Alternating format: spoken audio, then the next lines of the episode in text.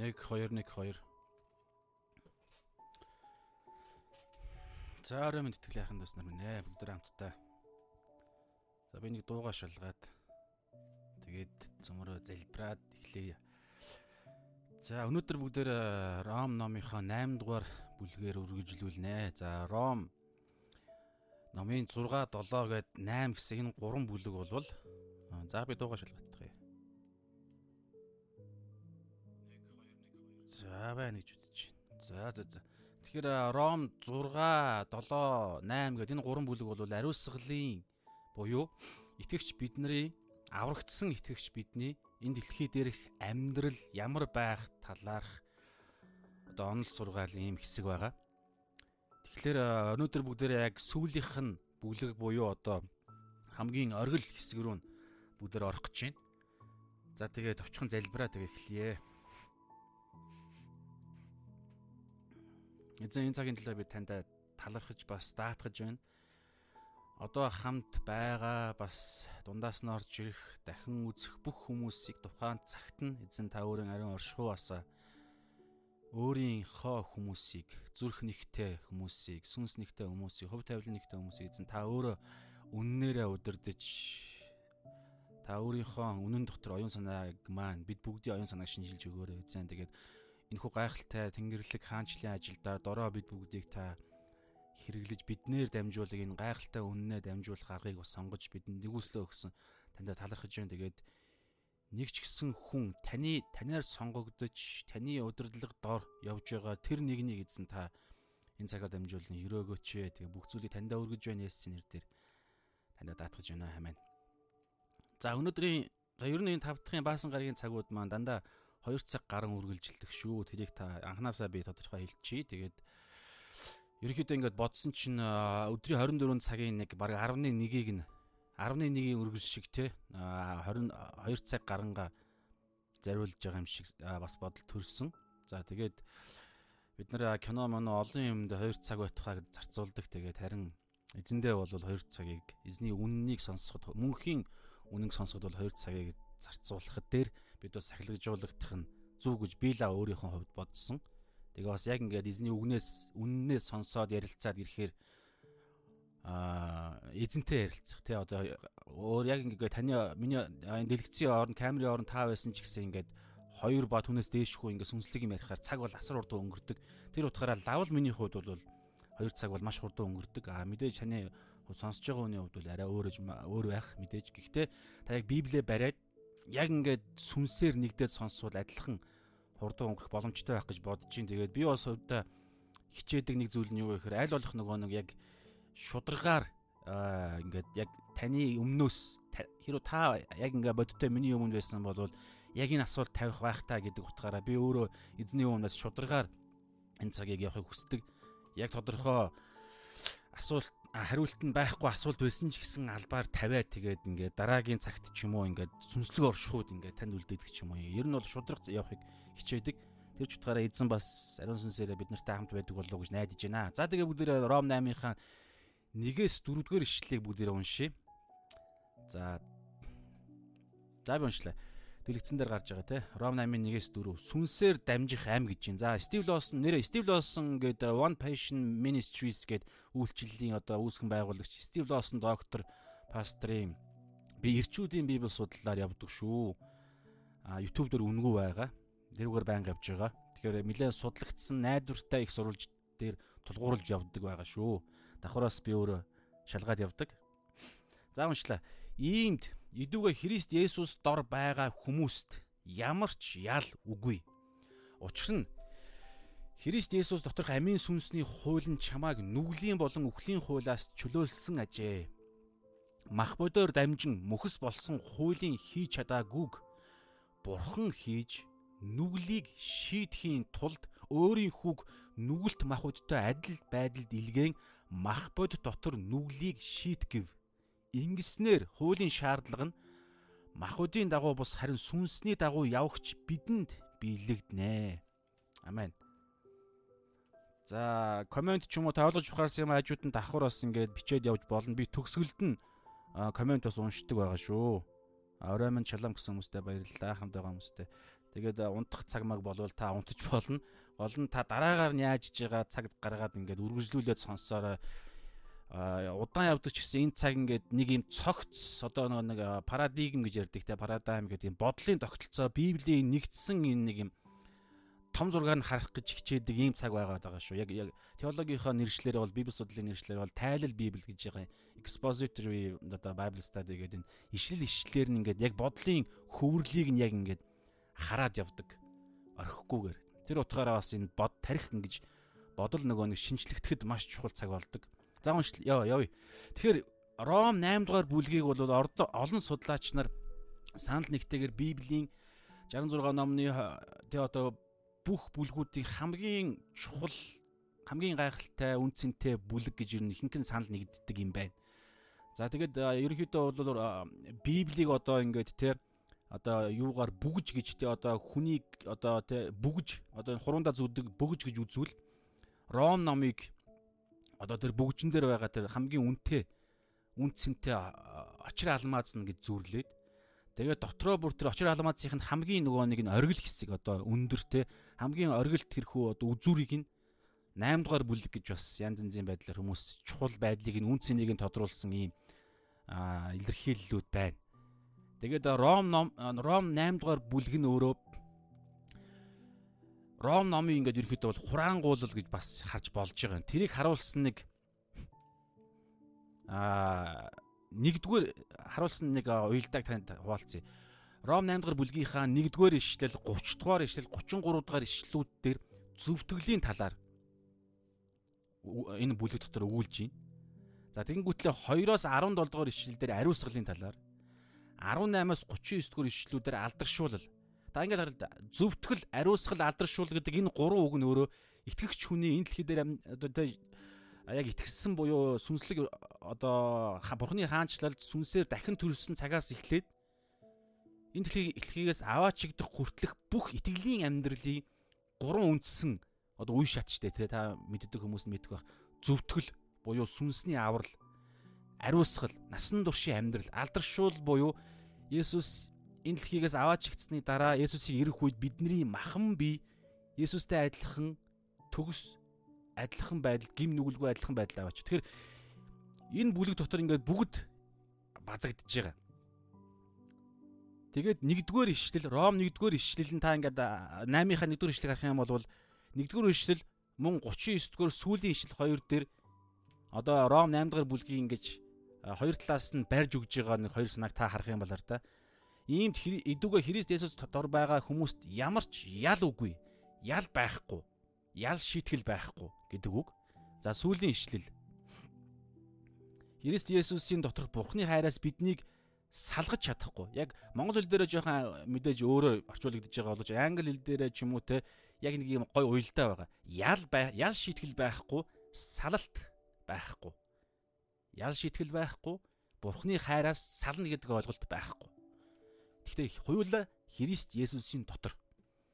Тэгэхээр ерөнхийдөө Ром 8 дугаар бүлгийн 1-ээс 10 за 17 янз янзаар мэдээж хувааж байгаа. Гэхдээ ерөнхий байдлаар Ром 8-ын 1-ээс 17-г 17 дугаар ишлэлийг ариун сүнс доторх амьдрал. Өнөөдөр бид нар эхний дөрвөн ишлэлийг нүцгэж байна.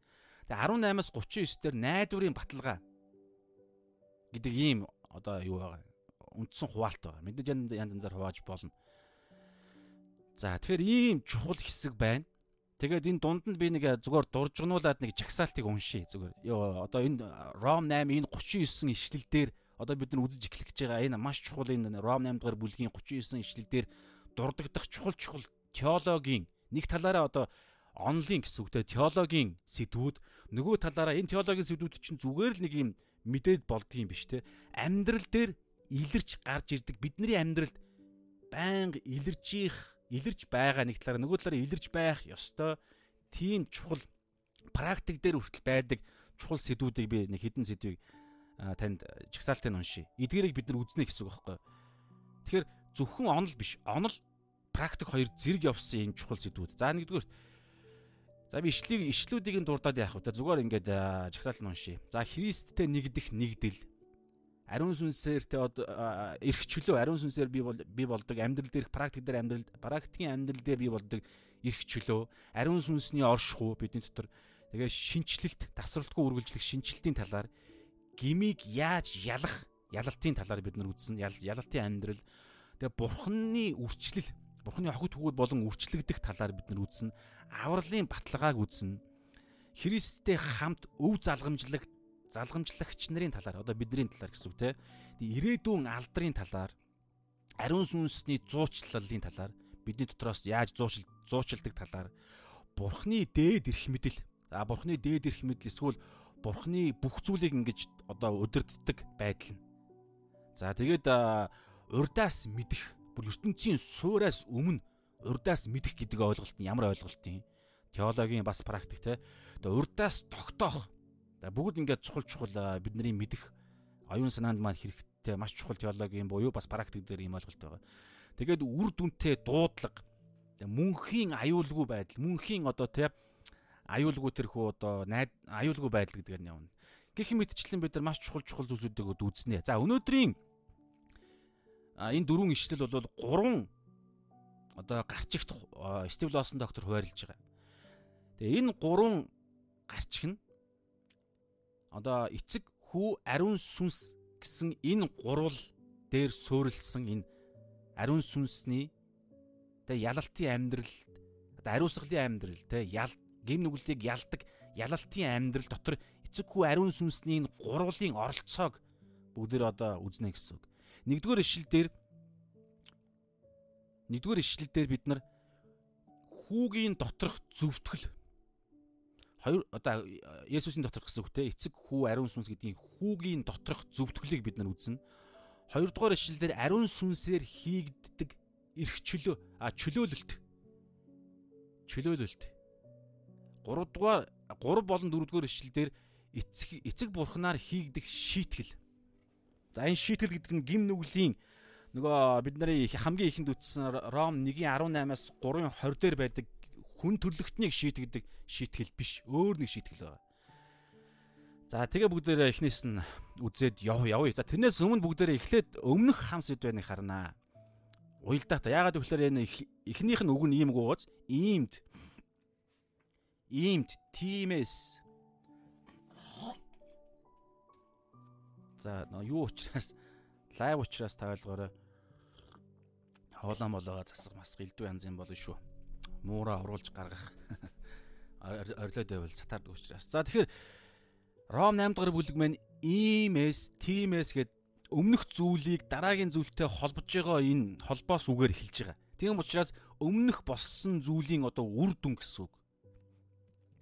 Тэгэхээр энэ иймд гэдэг энэ энэ үг нь шууд өмнөх ямар хэсэгтэй холбож байгаа гэхээр ерөөсөө л ерөөсөө Ром 1 2 3 4-гээ 7-гийн 20 биш ээ 25 тийм 7-гийн 25 дугаар ишил бүх хэсгийн одоо үр дагаварна гэсэн үг. Тэгвэл товчхон дүгнэх юм бол Ром 1-ийн 18-аас 3-ийн 20 дээр ял шитгэлийн талаар үздсэн бид нар. Хүн төрлөختн гим одоо бүх хүн төрлөختний э, Есүсээс ирэхээс итгэхээс өмнөх байгаа байдал нь гим нүглийн ял шитгэл байгаа байдал. Ром 3:21-ээс 5:21 дээр зөвтгөл энэ сайн мэдээ орж ирсэн те. Тэгээд а 6-гийн 1-ээс ерөнхийдөө 6 7 8 гэдэг 3 3 бүлэг дээр ариусгал үзэж байгаа. Гэтэ өнөөдөр яг онцгойлон дээр ариусгалын сүүлийн оргил хэсгийг үзэхдээ 6 дугаар бүлэг 7 дугаар бүлгийн одоо бас үргэлж гисэн. Тэгэхээр Ром 6 дугаар бүлэг дээр ариусгал дотроо нэг ийм зүйл байгаа юм. Христтэй нэгдэх энэ төгс нэгдлийг бид нар үзсэн. Есүстэй би адил Есүстэй хамт бид цовдлогдсон. Ром 6 дугаар бүлэг дээр. Есүстэй хамт цовдлогдсон, Есүстэй хамт оршуулгдсан, Есүстэй хамт амьлуулагдсан. За тэгээд 7 дугаар бүлэг дээр нь байнга буюу үхэн үхтлээ үргэлжлэх жинхэнэ итгэгч нарын дотор байдаг зөрчлийг бид нар үзсэн. Паул өөрийгөө илэрхийлж байгаа байлаар бид нар үзсэн те. Гимтэй хийх тэмцэл тулаан зөрчил. Энэ нь жинхэнэ дахин төрсөн бүр төлөвшсөн итгэгч хүний хувьд бүр тэр тусмаа яригддаг байнгын төлөв байдал байдаг хоёр том хүчний тэмцэл тулаан зөрчил. Энэ хоёр хүч нь ямар хоёр хүч байгаа вэ гэхээр нэгдүгээр а нэг талдаа болохоор бурхнаар бүтээгдсэн шин бүтээл жинхэнэ дахин одоо тэгээ бурхнаар ариун сүнсээр дахин төрсөн бурхны аанчлал орсон охид хөвгүүд нь болсон шин жинхэнэ итгэгч бүр цаашлаад бүр төлөвшсөн тэ тэр итгэгчдийн а тэрхүү бурхны хуулинд буюу зүрхнээсээ сүнснээсээ бурхны хүсдэг зүйлийг хийхийг хүсдэг тэр хүн нэг талдаа бидний дотор байгаа. Яг шинэ итгэгчдийн хувьд дөнгөж төрсөн итгэгчдийн хувьд бид нар ийм нарийн зүйлийг би судалж амжаагүй байдаг учраас энэ зөрчил нь бага байдаг. Гэхдээ итгэлийн амьдралаар явах тусам улам ихсдэг, ихсэх ёстой. Ягаад тэгэхээр энэ дэлхий дээр байгаа учраас энэ бие дотор а эргэтнүүдэд нь нүглийн хууль үйлчилж байгаа. Тийм биетэй үзэж хардаг, хийдэг энэ гим нүглийн боолчлол дор амьдарч байсан. Одоо ч гэсэн амьдрахыг хүсдэг ийм бие дотор бид нар байгаа учраас ийм зөрчил зайлшгүй бий болно гэж байгаа. Тэрийг бид нар үздсэн. Тэгэхээр нэг талдаа шинэ бүтээл Бурхны хуулинд Бурхны гим ямар ч гим үйлдэхгүй байхыг хүсдэг, чин сэтгэлээсээ хүсдэг шинэ бүтээл.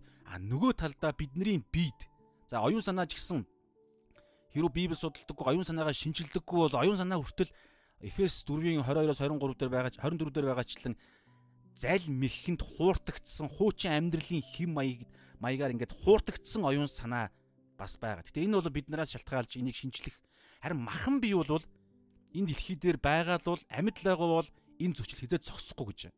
Энэ бие нь өөрөө тийм гим нүглийг үлдэхийг хүсдэг ийм бие дотор байгаа. Тэгэхээр нэг талдаа шин бүтээл нөгөө талдаа гимт чанар гэж байгаа. Махуудын шуналд ачаал гимт чанар.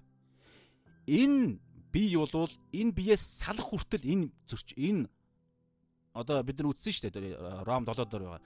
Би махан биеинд байдаг нүглийн хууль бол байсаар л байна гэж. Гэтэ нүглийн боожлол байхгүй болцсон. Энэ хэдийгээр нүглийн хууль дотор бидний бие гим нүгэл үйлдэхийг хүсдэг. Тэгээд бидний өөдөөс Гала 5:16 дээр байгаачлан хэрэв бид сүнсээр явахгүй бол биднийг гарцаагүй ялах тийм бүр хүч чадал байгаа. Бүр биднээс бид энэ хүч чадлыг яаж дийлж чадахгүй. Зөвхөн ариун сүнсээр явж иж дийлнэ. Тэгэхээр тийм хүчтэй бүр ингээд тэнгэрл явшаа сүнслэг ёрын муугийн юм бүр сүнслэг хүч байгаад байгаа. Зүгээр нэг юм бидний нэг юм дур хүсэл биш цаана нэг юм сүнслэг юм supernatural юм хүч байгаа байхгүй. Тийм учраас адилхан тэрнээс илүү сүнслэг supernatural буюу анх орчлын ертөнцийг бүтээсэн тэр ариун сүнс бидний дотор орж байгаа учраас тэр сүнсний хүчээр явж ижил зөвхөн ялах тийм тулаан байгаад байна. Тэгээ энэ дайсан гимт чанар энэ дайсны хүчийг бол ерөнхийдөө бол та сонсдог сонсч ирсэн бол гурван байдлаар бай ерөнхийдөө бол бидний эсрэг тэмцэж байгаа. Мэдээж хамгийн цаана нь яг тэр нэгэн болох тэгээ одоо анханаас Адам Яваг тэр могоогоор дамжуулан бий болсон. Тэрнээс ч өмнө Люцифер гэдэг одоо тэ байдлаараа Исая Эзекиэл дээр байгаа тэ анх гим нүглийг бий болгосон тэр нэгэн. Товчондоо сатан. Доор нь чөтгөрүү. Тэгэхээр сатан чөтгөр гэдгээр нь ярьчээ те. Тэгэхээр нэгдүгээр чөтгөрийн чөтгөр байгаад байгаа. Хоёрдугаарт энэ дэлхийн ертөнц. Гуравдугаарт бидний махан биеийн эргэтнүүд байгаад байгаа. Махан бие. Махан бие дотроо шуналд ачаална. Зүгээр байгалийн одоо те байглаасаа байдаг тэр хүсэл биш. Шунж хүсдэг тэр муухай зүйлийг хүсдэг тэр. Тэгэхээр энэ гурав нь хамтдаа нийлж бидний эсрэг тулалддаг. За бүр тэр дундаа яг бодиттой бид нар яг гар гараа бариад яг нүүр нүрээ хараад тулалддаг нь юу вэ гэхээр бидний махан биеийн эрхтнүүдэд байдаг шунал тачаалын хүслүүд, гэмт чанарууд. Тэгэхээр энэ хоёрын хоорондох зөрчил байнга байна гэдгийг бид нар үтсэн. Итгэж хүн өөрийнхөө хүчээр энийг ялах ямар ч боломжгүй гэдгийг бид нар ойлгодог байх хэрэгтэй.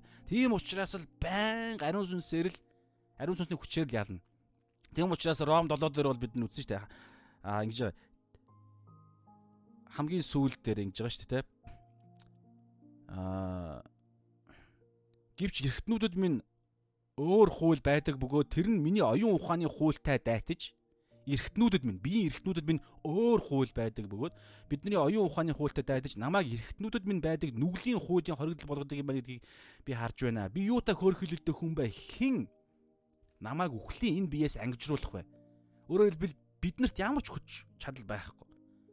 Одоо зөвхт амьдрах амьдрах ямар ч хүч байхгүй бидний бие нь өөрөө тийм бузар муу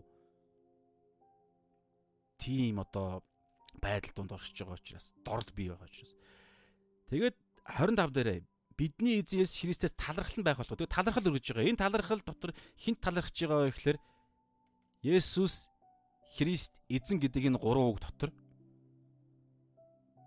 Есүсийг мэдээж Есүс Христэд талархах. Гэтэ энэ дотор маш чухал санаа байгаа. Бид нар яг үздсэн дэлгэрүүлж үзээд яах вэ? Довчхондоо хэлэх юм бол та энэ уялдааг бас энэ би энэ хажуу талын Word файлыг татгаар тавьдээ шүү. Та ингээ дараа нь татаж аваад хэрглэж болно. Яг Word дөр нь тавьдаг, өөрчилсөн ч болно. За тэр ингэж байгаа Есүс гэдэг энэ нэр нь бол өмнөх юм дээр байгаагүй байсан ч гэсэн санахыг үднэсэ те. Есүс гэдэг нь аврагч, авралынх нь нэр байгаа даа. Христ гэдэг нь хүч чадлынх нь нэр. Эзэн гэдэг нь Тэнгэрлэг байр суурийнх нь нэр. Тэгэхээр Есүс гэдэг энэ нэрний цаана нь Есүсийг бидний сүнсийг аварсан зөвтгөх зөвтгөл гэдэг ойлголт явагддаг. Зөвтгсөн бид нарыг. Бидний сүнсийг гим нүгэлгүй болгож охид төвгүүд бурхны охид төвгүүд болгон зөвтгсөн. Аварсан. Бид аврагдчихсан. Сүнсний төлөв байдалтай. Тэгээ Христ гэдэг энэ нэрний цаана нь Есүсийн хүч чадал нь илэрхийлэгддэг. Тослогоо. Тэгээ хуучин гэрээнд 3 3 хүнийг тосолдог байсан те хаан дахилж иш үзүүлэгч. Бурхны тэнгэрлэг тослогоо. Христ буюу Месиа. Тэгэхээр Христ гэдэг энэ үг нь Есүсийн хүч чадал. Энэ дээр бидний а ариус бидний одоо өдөр тутмын ариу одоо бид нар үзэж эхлэх үдсээр байгаа энэ ариун сүнсний хүчээр бид энэ дэлхий дээр өдөр өдрөөс өдөрт ариусгасаар Есүстэй адилхан болсоор гим нүглийг ялсаар байдаг энэ төлөв байдал хүч чадал нь Христ гэдэг нэрнийхэн цаана явж идэг. Тэгээд Есүс одоо тэ аварсан одоо аварсаар байгаа ирээдүйд аварна. Сүнсийг маань аварсан, оюун санаа сэтгэлийг маань аварсаар байгаа. Насан туршдаа үргэлжлэнэ. Харин махан биеийг минь Есүсийн хоёр дахь ирэлтээр бид бүгдээрээ Есүстэй адилхан алдрын биеийг авч алдаршина. Филиппо 3:21 дээр байгаа. Тэгээ энэ бол авралын гурван төлөв гэж ярьдаг. Энэ гурван төлөв нь Есүсийн гурван нэр, нэрний цаана явдаг. Бас теологийн гурван үг байгаа. Зөвтгөл, ариусгал, алдаршуул гэдэг. Өнөөдөр ч гэсэн түрүүн бид дурдсан эднэр чинь яг Ром 8 дээрээс бид нар үзэх байхгүй?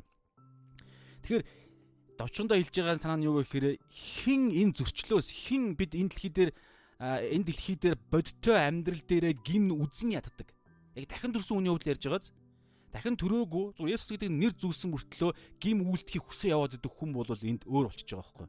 Тэгэхээр яг жинхэнэ итгэгч буюу дахин төрсөн итгэгч шин зүрхтэй шин сүнстэй болсон хүн энэ дэлхий дээрээ зөрчилдөөнд орно гэсэн. Зөрчилдөөн дунд байна гэсэн. Ягаад тэгэхээр бурхны хүсэлтэй нэгдсэн учраас бурхны бурхан өөрөө бидний дотор оршиж байгаа учраас гим нүглийг л үйлдмээргүй байна гэдэг хүсэл бидний чин сэтгэлийн хүсэл болдог. Тийм учраас гим нүгэл үлдсэн дараагаар нь бид гимшдэг хин нэг нэг хохиросон дараагаар нь яана гэд гимшдэг. Нөгөө өнөөс уучлалт гуйдаг. Эдгээр байдлууд чинь Тэгээ дахин төрсэн хүний илрэл гэхгүй.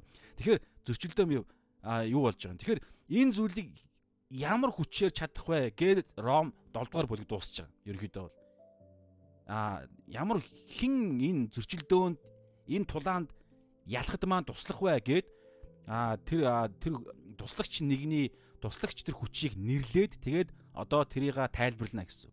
Юу гэж нэрлэлээ? Есүс а Хри Есүс Христ эзэн. Тэгэхээр Есүс гэдэг энэ ганц нэрэн дотор тэр одоо ялалтын одоо бодиттой тайлал орж ирнэ гэсэн үг. Тэгэхээр гмийн төлөөсийг нь гмийн ял шийтгэлийг нь аль хэзээ шийдчихсэн өнгөрсөн цаг дээр. Харин одоо гмийн хүчийг нь шийтсээр байгаа шийтсээр байх ийм төлөв байдал бид амьдарч байгаа. Хүчнээс нь бид гмийн хүчийг хүчийг ялсаар байх. Ингээд яаж вэ гэхэлэр одоо Ром 8 дээр үзэх гэж байна. Харин ирээдүйд гмийн бүр оршихуй хүртэл байхгүй болно. Оршихуйг нь хүртэл шийднэ. Өөрөөр хэлбэл бидний бидний сүнс сэтгэл биеийн бүх төвшөнд ирээдүйд бол бүр ямар ч онцгойлон мах өдийг л ярьж байгаа юм л да. Одоо бол бидний сүнсэнд гим нүгэл гэдэг ойлголт ярихдаггүй. Бидний сүнс тайны сан ойлгохоор бидний сүнс гим нүглийг үйлдэх бүр үүлдэх бүр хүсэл байхгүй боломж ч байхгүй. Ариун сүнстэй нэгдсэн учраас.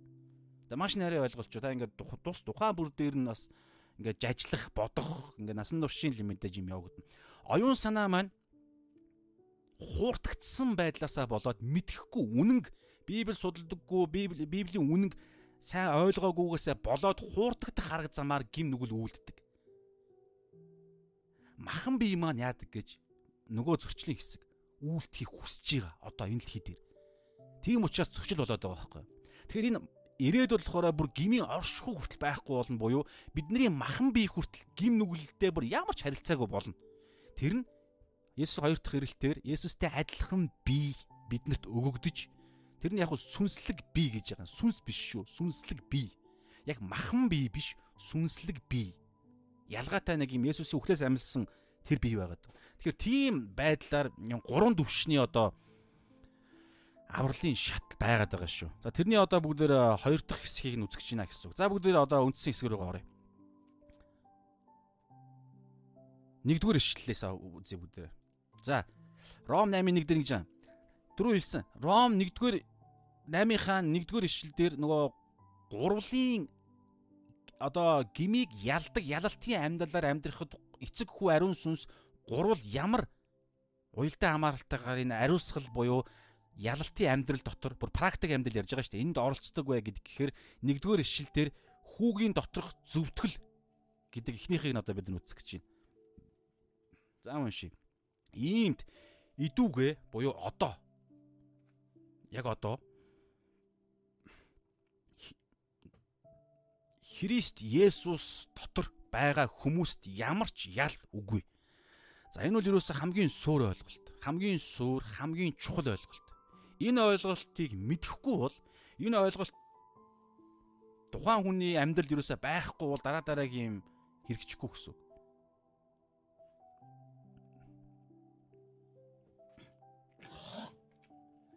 Тэгэхээр ингэж байгаа хараа идүүгээ буюу одоо гэдэг дээр нэг зүйлийг хуваалцъя. Одоо.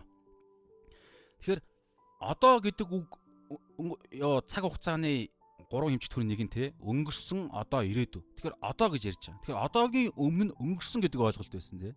Тэгэхээр бид өмнө нь хэн байснаа ойлгох хэрэгтэй. Иймд одоо Христ Есүс дотор байгаа хүмүүс нөхцөл нь бол юу гэж байна? Христ Есүс дотор байгаа хүмүүст ямар ч ял байхгүй. Харин Христ Есүс дотор орохоос өмнө бид нар ял шийтгэл дотор явж исэн гэдгийг ойлгох хэрэгтэй энэ энийг ойлгох нь яагаад чухал вэ гэхээр бардамлалын асуудлыг бардамлалын сатаны бардамнах сайрхах гэдэг итгэгч нарыг итгэгч нар руу хамгийн их дайрдаг хамгийн залтай галт сумыг унтраахад энэ маш чухал. Хэн байснаа хэний хүчээр одоо хэн байгаагаа итгэгч хүмүүс ойлгох нь байнга энийгээ бодож явах нь үргэлж эзнээс эмээх, эзэндээ талархах, даруугаар дуулууртай байхад маш чухал. Өөрийн хүчээр Израильчууд юусаа яагаад бардамнаад яагаад Есүсийг цовдлсон бэ гэхээр юусоо л яг энэ шүү дээ, тий. Галаат номууд дээр байгаа олон газар дээр байгаа. Ерөнхийдөө ингээ илэрлүүд нь ингээ загтлууд дээр дандаа илэрж байгаа. Шуудч бай, шууд бус утгаараа нөхцөл байдал, тухайн чуулганы нөхцөл байдлын ингээ илэрлүүд а илэрлүүд нь яг цөмөн дандаа энэс илрээд байдаг. Нэг зүйлээс болж байгаа. Тэрний үхээр нөгөө түүхээс хууль өгөгдсөн гэдэг байдлаас хууль өөрөөр хамгийн ойлгомжтой ярих юм бол өөрийн хүчээр би бурханд таалагдах боломжтой таалагддагч гэдэг юм уу нэг ийм маш буруу ойлголтоосоо болоод сайрхдаг бардамдаг Тэгэхээр итгэгч бид нарыг сатан яг л энэ арга замаар арай өөр байдлаар яг юдэчүүдийг яаж хуурсан шигээ бид нар хуурахгүй шүү дээ. Тийм мангар гар биш байхгүй задах чинь.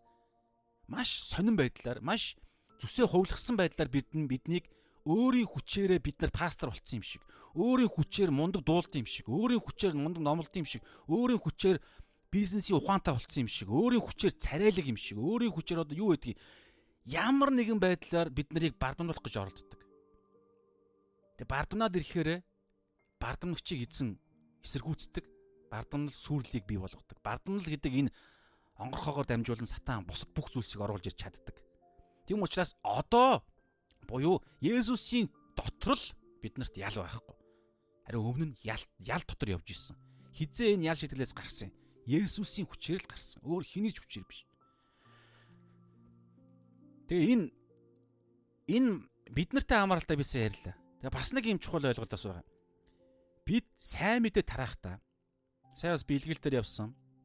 Тэгэхээр илгээлтч бай өдөр бол өдөр болгон бид илгээгдсэн байгаа шүү дээ. Тэгээ энэ дэлхий дээр амьдарж байгаа өдөр болгонд талбар бол бүр дээр. Тэгэхээр сайн мэдээ гэхэд маш чухал нэг ойлголтыг бид нар ойлгох хэрэгтэй юм байлээ. Тэгээ би бас ойлгож байгаа. Юу гэхээр сайн мэдээ тараах гэдэг дотор муу мэдээ заавал байх хэрэгтэй. Муу мэдээ байхгүй бол сайн мэдээ мэдээж яг нэг ийм жоохон одоо юу гэдэг нэг ийм одоо өөр юм сүлэлт байгаа. Юу гэхээр одоо жишээ нь юу гэдэг гэр бүлийнхаа хүмүүс ч юм уу эсвэл бол зааж байгаа өөр тийшээ хазаах гэдэг. Яг довчхон хурдхан шиг нэг хэлчих. Одоо тэ нэг ангийнхаа хамт олон ч юм ажлын хамт олон ч юм уу. Тэгтэл хэд нар ч амар эрсдэлтэй байхгүй. Ингээд байнга хамт байх эсвэл яг нэг өрөөнд дотор нэг 7 хоног хамт байх. Ерөөсө гарахгүй. За тийм үед үед ч гэдэг юм уу те нэг жоохон шатлалтайгаар явбал тарааж болох байх. Гэхдээ нэг удаагийн ч юм уу те ингээд таарад өнгөрөх тохиолдолд ч юм уу эсвэл мэдхгүй одоо ямар ч байсан сайн мэдээ гэдэг энэ агуулга дотор заавал муу мэд яваад байгаа байхгүй. Юу гэхээр та одоо сайн мэдээ тарааж байгаа тарааж байгаа үед эсвэл яг энд итгэж биш хүн үзэж байгаа тохиолдол та яг одоо гим нүглийн ял шитгэл болох бурхны мөнхийн уур хилэнгийн хараал дор шийтгэл дор тамийн энэ хүлээсэн дор яг одоо явж байгаа. За би бол сая би шууд теологийн одоо үндсэн санаа хэлчихэж байгаа. Энэ бол ерөөсөө ийм л санаа байгаа угаас. Яг одоо аимшигтай аюул дотор явж байгаа байхгүй. Ром 7-гийн 7 дээр бол аа тэ одоо байгаа. За яг энэ хуультай хамааралтайгаар за энэ нэгдүгээр Тимот ингэж байгаа байхгүй юу? За би нөгөө нэг жоохон ингээд үндсэн сэдвээсээ нэг одоо дээж аваад өөр зүйлийг ингэж холбож ярьдаг уялдаа хамаарал нөгөө нэг энэ тогтолцоо тэгээ нэг юм уялдаа хамаарал яриад байгаа шүү. Бид нартай яг хамааралтайгаар бол те бид Есүс дотор орхоос өмнө гим нүглийнхаа яаш итгэх дотор дотор байсан. За одоо итгэгч биш хүмүүс Есүсийн дотор биш хүмүүс ер нь ингэж байгаа байхгүй юу? Энэ дэлхий дээр байгаа бүх хүн төрлөختөн хоёр ангилалд хуваагдж байгаа. Есүсийн дотор Есүсийн гадна. Тэгэхээр Ром 8 дээр ингэж байгаа шүү дээ. Есүсийн дотор байгаа хүмүүст л ямар ч ял байхгүй. Тэгэхээр та Есүсийн дотор байгаа бол ямар ч ял байхгүй. Гэтэ өмнө нь ялтай байсан. Есүс бид нарыг өөрийнх нь дотор оруулсан. Тийм учраас талархал явна те бардан байж болох. Харин Есүсийн гадна байгаа хүмүүст яг одоо энэ идүүгээ буюу одоо гэдэг нь тэднэрт яг одоо цаг дээр л байгаа. Яг одоо ял шийтгэл дотор байгаа. Тэгээ хүн хизээ өгөхөө мэдэхгүй. Тэм учраас энэ нэгүслийн цаг энэ хүү өршөөл нэгүслийн авралын цагт итгэхгүй, амжихгүй, гимшихгүй байж байгаад хүчгэл юм бол яг одоо гэдэг нь яг одоогоор л үхэл сэрхэд аимшигтай тарчлаан дотор сэрнэ гэсэн үг. Ийм хатуу үнэн байгаа учраас энэ үнэнг үннээр нь ярихгүй бол сайн мэдээ авралын сайн мэдээ биш байгаа даа байхгүй. Зүгээр нэг нийгэмлэгийн одоо community Христэд итгэгч нар гэдэг нийгэмлэг сагсан бөмбөгийн дэмжигч нар Монгол ардын хувьсгалт намын дэмжигч нарын нийгэмлэгт л орж байгаа юм шиг Христ итгэгч нар гэгдэх хүмүүсийн тэр цуглаан гэдэг байшин дотор л тэр нэг гой хайр майр ярьсан хүмүүс дотор л орно гэсэн үг.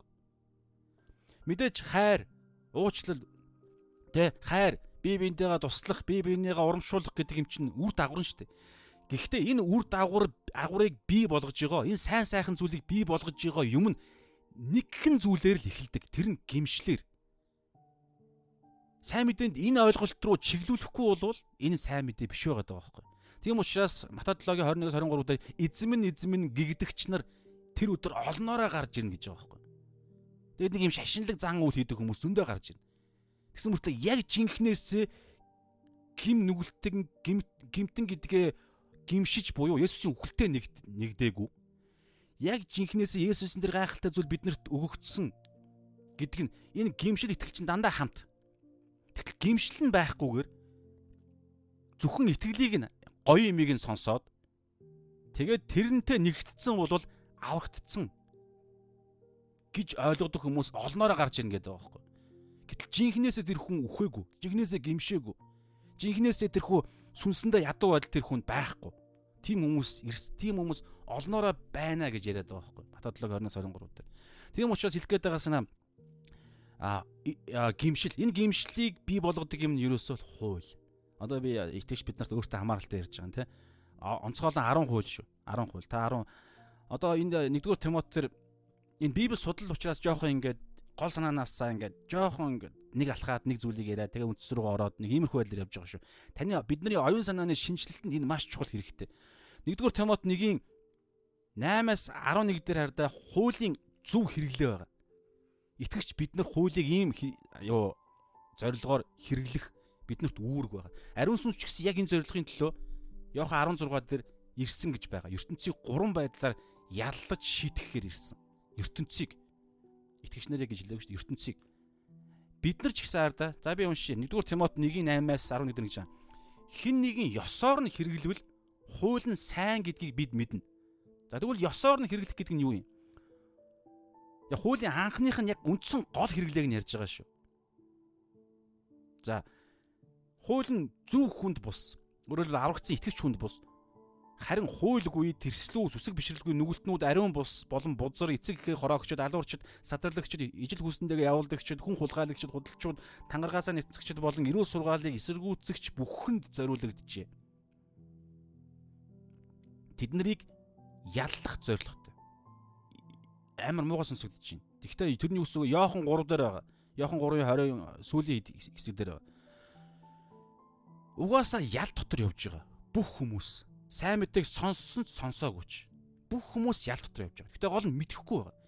Энэ мэдэхгүй байдлыг нөгөө чөтгөр бий болгодог. 2 дугаар Коринт 4 4 дээр энэ 90 үеийн бурхан үл итгэгчдийн бодол санааг нь сохлоод Христийн алдрын сайн мэдээний гэрлийг үзэхгүй болгодог. Тэгэхээр сохолцсон байгаа. Янз бүрийн ойлголтуудаар баяжих, маажих, те хайр, майр, философи одоо юу гэдэг янз бүрийн ойлголтоор ингээд те ингээд зүгээр л нэг янз бүрийн ойлголтоор шинжлэх ухаан ухаан те нэг удаа амьдрал амьдрал янз бүрийн ойлголтоор жинхэнэ үннийг далдалцсан байна. Гэтэл жинхэнэ үн юу вэ гэхээр хууль тэрийг нь илчилдэг. 10 хууль. Гэтэл 10 гэтэл хэд дээр байгаа вэ? 20 дээр байгаа вэ? Та бага 10 хууль. Надаас өөр бурхантай явж болохгүй. Надаас өөр ямар нэгэн хэлбэр төршөж болохгүй За амралтын өдрийг за энэ яхаа бид нартай хамааралгүй байгаа. Тэгээ бухны нэрийг дэмий боосон дуудаж болохгүй. За тэнгуүтээ эцэг гэхээ бүү эцэг гэхээ өндлөхгүй байж болохгүй. Бүү хулгай хий. Бүү худлаа яар, бүү завхаар, бүү хулгаал, а бүү хүн ал, бүү шунхаар гэд. Эднээс аль нэгэнд нь л тэр хүн худлаа ярих гэдэг дээр хүн худлаа ярьж л байсан бол тэр хүнд ямар факт байгаа гэж тэр хүн мөнхийн галтай тамд яг одоо тэр тамийн гинжин дотор явж байгаа. Мэдхгүй байгаа нөгөө. Тэгэхээр трийг нь илчилдэг. 11 дээр дэж байгааз энэ нь надад даалгагдсан. За Паул ярьж байгаа. Бид нар бүгдэнд нь хамааралтай. Бидэнд даалгагдсан ивэлт бурхны алдын сайн мэдээний дагуу юм а гэж. Тэгэхээр сайн мэдээний зорилгоор. За энийг би яагаад ярьж байгаа юм? Тэгэхээр яг нь сайн мэдээ тараах гэдэгт хамааралтайгаар би сая жоохон үндсэн зэдвээс хазаагаад ярьж байгаа. Ром 7-гийн 7 дээр энэ хууль сайн мэдээний инхнийхэн шат байхгүй юу? Муу мэдээг нь танилцуулах. Ингэж танилцуулахад хуулийг хэрэгжилж танилцуулдаг. Стандартыг. Бухны стандартад хүрээгүй хүм хүн болгон мөнхийн Бурхны уур хилэн дор байгаа гэдэг үннийг нь хуулиар дамжуулан танилцуулна. Тодорхой заалтаар. Та худлаа ярьж үзсэн үү? Та эсрэг хүснийхээ үнийг зүгээр нь дотроо тачаадаж харсан тохиолдол байгаа юу? Хүн болгон энэ дээр байгаа гэж эцэгхээ хүндлээгүй тохиолдол байгаа юу? Байгаа. Хин нэгийн үний имийг хэлэхгүйгээр авсан тохиолдол байгаа юу? Байгаа. Энэ юу хэлж байна? Яг одоо аимшигтэй үхэл мөнхийн үхлийн тэр аим гав гинжин дотор хүн болгон явж байгаа. Тийм учраас л энийг нь танилцуулахад ингэж. Тэгээ ингэнгүүт л нөгөө хоёр хариу үйл үндсэндээ ирнэ шүү дээ. Матай 10 дээр байгаа. Зөкстэй хүмүүсүүд нь гимшиж итгэлд ирнэ. Зогсгүй чон гэдэг хэллэгээр байгаа. Зогсгүй хүмүүс нь биднийг хавчих болно гэж байна. Ягаад тэр хүнд аимшигтай нэг муухай юм хэлчихэж байгаа зү. Бодиттой фактыг нь баг харааж байгаа юм шиг. Хараал дор байгаа гэдгийг нь хилцсэн хилчиж байгаа байхгүй. Гэтэ мэдээж энд ариун сүнс тухай яг хэлэх мөчөд тухайн үед хүн болгоны тэрхүү одоо тий ялгаатай эрхтний байдлаар дамжуулаад янз бүрийн байдлаар энэ сайн мэдээ тарах арга явагдана. Гэхдээ яг үндсэн сайн мэдээний агуулга ерөөсөө өөрчлөгдөх ёсгүй. Аимшигт аюул дууг нь танилцуулна. Тэгээд тэнд гарах гарцыг нь хэлж өгнө гэсэн. Тэгэхээр ингэхэд тэр аюулыг нь хэлэхэд чи намаа яга хараагаад байгаа юм. Би чи өөрөө хэн болчиход ингэж байгаа. Чи юу гнэ гээл мэдэхгүй одоо яад юм ба. Тэгэхээр яг Матад 10 дээр бол хүмүүсээс болгоомжл энийг нэг хотод тавьчихвал өөр хот руу зүгтаа гэж байгаа шүү. Хамааралтайгын зүр хэлье гэж бодлоо. Яагаад гэвэл хавчлаг хавчлагыг явчлага ирлээ гэж бодоход бид нар тэр хүмүүс сонсохгүй байгаа хүмүүстэй зууралдаад байх ёсгүй байхгүй. Шууд л аа за ойлголоо гэл үндсэн хуулийнхаа дагуу тэр хүн эрхийг нөгөөл холдох хэрэгтэй. Тэгэхгүй бол авармаар байна гэж дайраад байх юм бол тэр хүн биднийг айгуул алаалд уусна. Тэгэхээр бүх хүн аврагдахгүй байхгүй. За энэ бас нэг теологийн маш чухал хатуу үнэн байна. Бүх хүн аврагдахгүй. Гэхдээ бүх хүнд эзний сайн мэдээ танилцуулагдана. Тэгэхээр хэн аврагдах хэн аврагдахгүй бидний хинч мэдэхгүй. Мата 13 дээр байгаа. Үрийн сүүлийн сургаалт зүрэл. Аль нь үрийн үрийн үрийн а улаан буудай үр улаан буудай ургалт аль нь үрийн сүүл буюу зэрлэг өвс. Хоёулаа яг адилхан харагддаг нэг юм хоёр юу хальт хоёр ургамлыг харьцуулт. Тэгэхээр бид нар юусоо ялахгүй. Зөвхөн бурхан өөрөө ялгана. Тэрийг ургац сураах үед л бурхан өөрөө шийднэ. Тийм учраас бидний гол зорилго ерөөсөө хүн болгонд л тараагаад байна. Харин илэрлэлээрээ хариу реакцуудаараа тэр нь ерөнхийдөө бол тухайн мөчтөө бол те ямар реакц гарахаас шалтгаалаад бид нар яахыг бол зааж өгсөн. Хавчаад байвал яваалог гэж ярьж байгаа шүү. За энэ яг үнц зүгээр нэг хазаасан хэцэг байлаа. Бид нартай хамааралтайгаар бол даруу байх хэрэгтэй гэдэг санаа талархал үргэлж үргэлж талархал дотор явах гэдэг санааг ярьж байгаа шүү. За тэгээ энд нэг юм байна. Христ Есүс доор дотор байгаа хүмүүст ямар ч ял үгүй ямар ч үгүй гэдэг энэ хоёр хэллэг байна. Одоо үгүйсгэл. Тэгээ энэ бол эхэл дээрээ энэ нь эхэл дээрээ одоо энэ нь шүү дээ те маш эрчимжүүлсэн ингээд хоёр ингээд бүр ингээд юу гэдэг үлээ эрчимжүүлсэн зэргийн ийм үг байгаа даа байхгүй. Тэгэхээр юу энийг эндээс ямар ойлголт бидэнд авах хэрэгтэй вэ гэхээр Есүс дотор байгаа л бол ямар ч ял шитгэл байхгүй. Өнгөрсөн одоо ирээдүйн бодлороо хандлагаараа биеэрээ үйлсээрээ хүртэл ямар ч гмийн ял шитгэл байхгүй. Энийг маш сайн ойлгох хэрэгтэй. Энэ дээр гаж урсгалууд ч гэсэн энэ дээр гарч ирнэ. Есүс дотор орсон л бол за энэ дээр бол мэдээж хамгийн том одоо үндс хамгийн чухал энэ дээр одоо анхааруул гэдэг юм уу хаалтан дотор Есүс дотор байна гэдэг нь юу юм бэ гэдгийг маш сайн ойлгож судалж библийн дагуу судалчаад тэгээд ойлгосны дараагаар нь тэр нь үнэхээр чеклэгдсэн л бол үнэхээр бид Есүс дотор байгаа л бол ямар ч ял байхгүй ирээдүйн гин нүглийн ялыг хүртэл ярьж байгаа шүү. Мата Ром 7 дээр бид нар үзсэн шүү дээ. Энэ дэлхий дээр зөрчил донд зөрчилдөөн донд явсаар л байх болно. Өөрөөр хэлбэл ирээдүйд гим үлдэгдэнэ л гэсэн үг. Ямар нэгэн байдлаар. Гэхдээ хүсээд санаатаагаараа биш. Энэ бие биеийн сул дорой учраас гэдэг тийм. Тэгэхээр ямар ч ял байхгүй гэдгийг бид нар маш сайн ойлгох хэрэгтэй. Ирчимжүүлсэн. Тэгээ энэ дээр бас нэг юм байна. Өдөр тутмын амьдрал дахь хамгийн чухал одоо үнэн буюу суур ойлголт энэ түрүүн би эхэндээ ирсэн те Христ Есүс дотор байгаа хүмүүст ямар ч ял байхгүй гэдэг нь үнэн. Тэгэхээр энэ өөрөө ерөөсөө сайн мэдээ.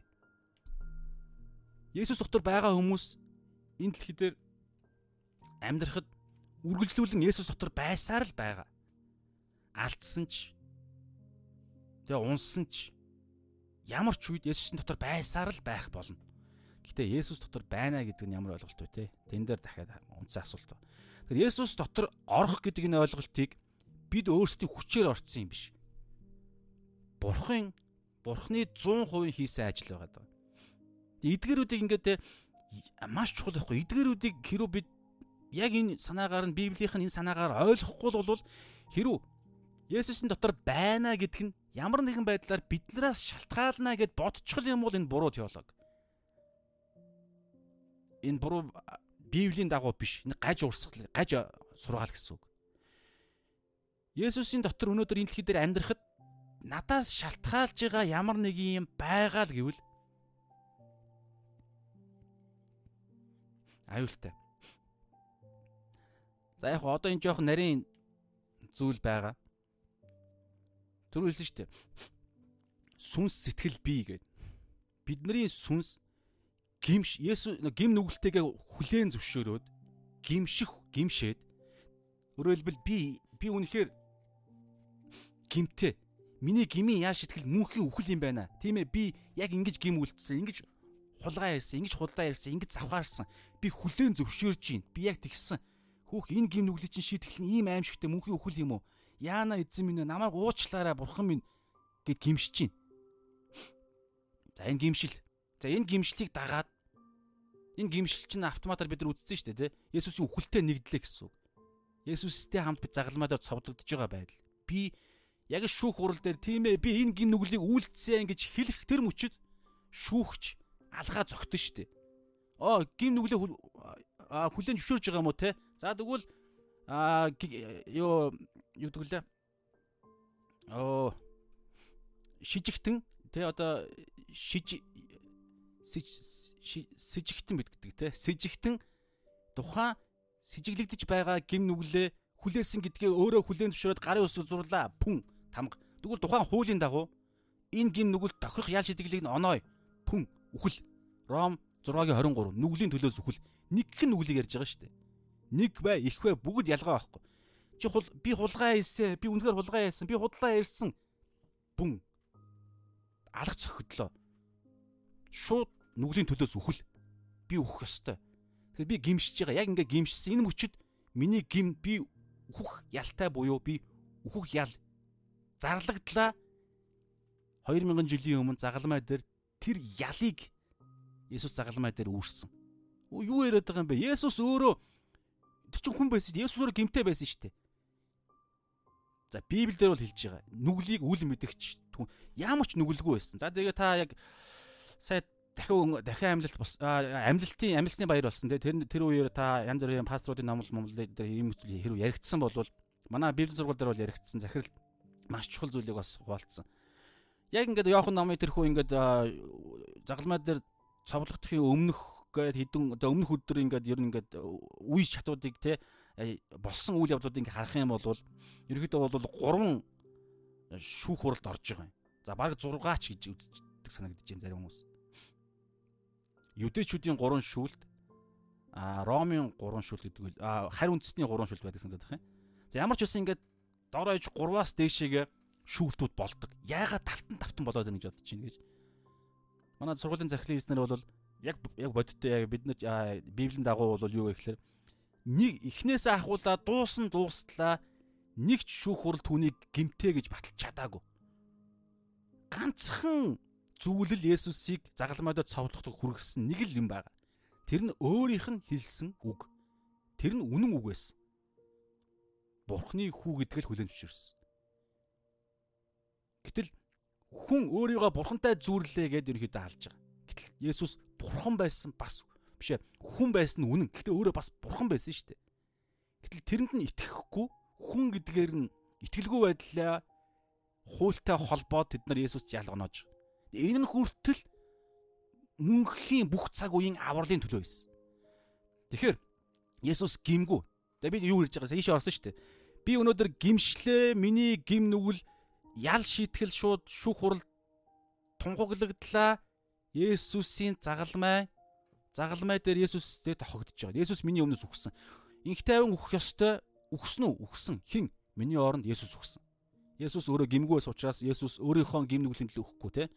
Тэгэхээр ингэж Есүс гимших үед миний гим нүгэл автоматар сүнслэг байдлаар те бурхны хийх зүйл шүү дээ. Есүсийн үхэл рүү шилжиж байгаа.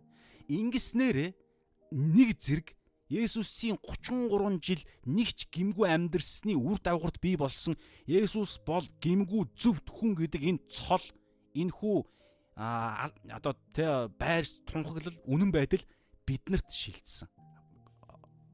2 дугаар Коринт 5:21 гэж байгаа байхгүй юу?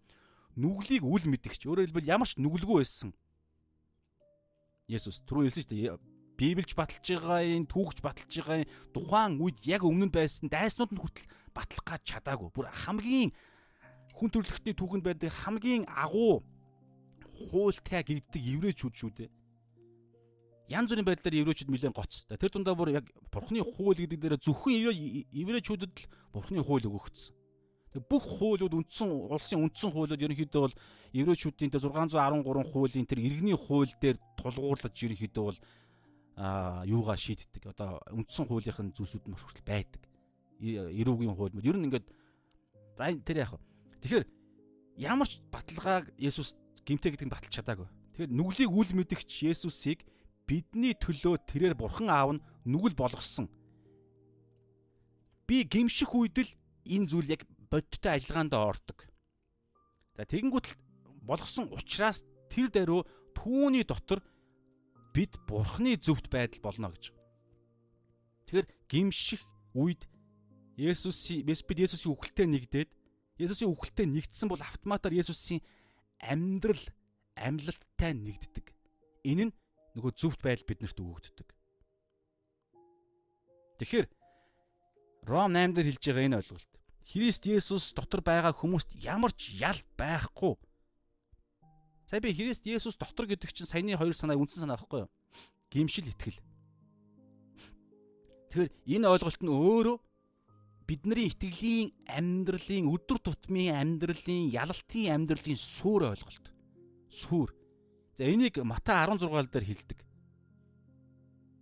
Петр Есүсийг хин гэдгийг ингэж тунхаглаж байгаа. За өөрөө Есүс асуудаг те. Харин та нар намайг хин гэж бодож байна. 16 Мат 16 16 дээр Симон Петр ингэж хэлж байна. Та бол Христ амьд бурхны хүү. Нөгөө л гурван ойлголт чинь. Эзэн Есүс Христ гэдэг одоо энэ арай өөр байдлаар. Та Есүс бол Христ амьд бурхны хүү гэдэг энэ үнэн факт баримтан дээр 18 дээр би мөн чамд хэлье. Чи Петр энэ хадан дээр энэ Есүс бол Христ амьд бурхны хүү гэдэг энэ ойлголтын дээр өөрөөр хэлбэл довчхондоо Есүстэй л гэсэн үг. Төрөүний загалмай үхэл амьдлал дээр нь гимшил итгэл. Энэ ойлголтын дээр би чуулгана босгох бөгөөд түүнийг үхөхсдийн орны хаалга дийлэхгүй. Ер нь ийм ерөнхий зураг байгаа. Нэг хол зөрөхгүй. Энэ дэлхийн ертөнц бузар муугийн ноёрхол доор байгаа. Гим нүгэл нүглийн бузар муугийн ноёрхолд ор байгаа. Энэ дотор Есүс Филиппо 2-ын дагуу одоо ч гэсэн бид нар үзэж байгаа гим нүгэлтэй мэт гим нүгэлтэнтэй адилхан дүр төрхийг авч энэ үхсдийн орн дотор орж ирж байгаа. Ягаад үхсдийн орн гэж байгаа тэгэхээр нүгэл хаана нүгэл байна тэр чинь өөрөө үхэх үхэх гэдэг ялтай хүмүүсийн газар шүү дээ. Түрүүн би бас хэлсэн те өөртөө мэдхгүйгээр бүгд үхэл үхэл рүүгээ чиглэл явж байгаа. Тэгээ үхөхс үхөхстийн амьдарж байгаа газар байхгүй. Тэгвэл яагаад амьд байгаад байгаа? Тэгэхээр бурхны нэгүсэл байгаа учраас үхлийг нь удаашруулсан. Тэр нь дуулал эрдээр бол 70 жил гэж байгаа дунджаар. Хүч тэгээдээ бол 80 жил. Бурхан цаанаас нь ингэж дундаж юмыг тоод сууж байгаа. Энэ хугацаанд амжиж гимшиж итгэхгүй бол цаг нь болоход зарим хүмүүс энэс ч наана бүр ингээд тодорхой болцсон хүмүүс хүмүүс нь. Шууд тэр нэгүсэл бурхны уур хилэнгээ барьж байгаа тэрхүү бурхан өөрийн бурхны өөрийнх нь шудраг байдлын уур хилэнг өөрийнх нь хайр нэгүсэл нь ингээ барьж байгаа байхгүй юу? Бурхан өөрөө л ерөөсө бүгдийг бурхнаас дээд хүч чадал гэж байхгүй. Сатан биднийг мөнхөд шийдэхгүй шүү дээ. Бурхны уур хилэн шийдэх. Шудраг байдал. Тэгэхээр бурхан өөрийнхөө уур хилэнг өөрийнх нь нэгүсэл ингээ барьж байгаа. Энэ хугацаатай. Ойролцоогоор 70-аас 80 жил. Дунджаар штэ. Тэгээд нэгүсэл нь авагдах үед юу асгарах вэ? Бурхны уур хил. Тийм учраас одоо ингээд хэдийгээр амьд байгаа юм шиг боловч бүгд хувь тавилан тодорхой болцсон яахан гурав дээр бол ял дотроо явж байгаа. Тэгээ сайн мэдээнд итгэхгүй байх юм бол үргэлжлүүлэн ял дотроо явна гэсэн.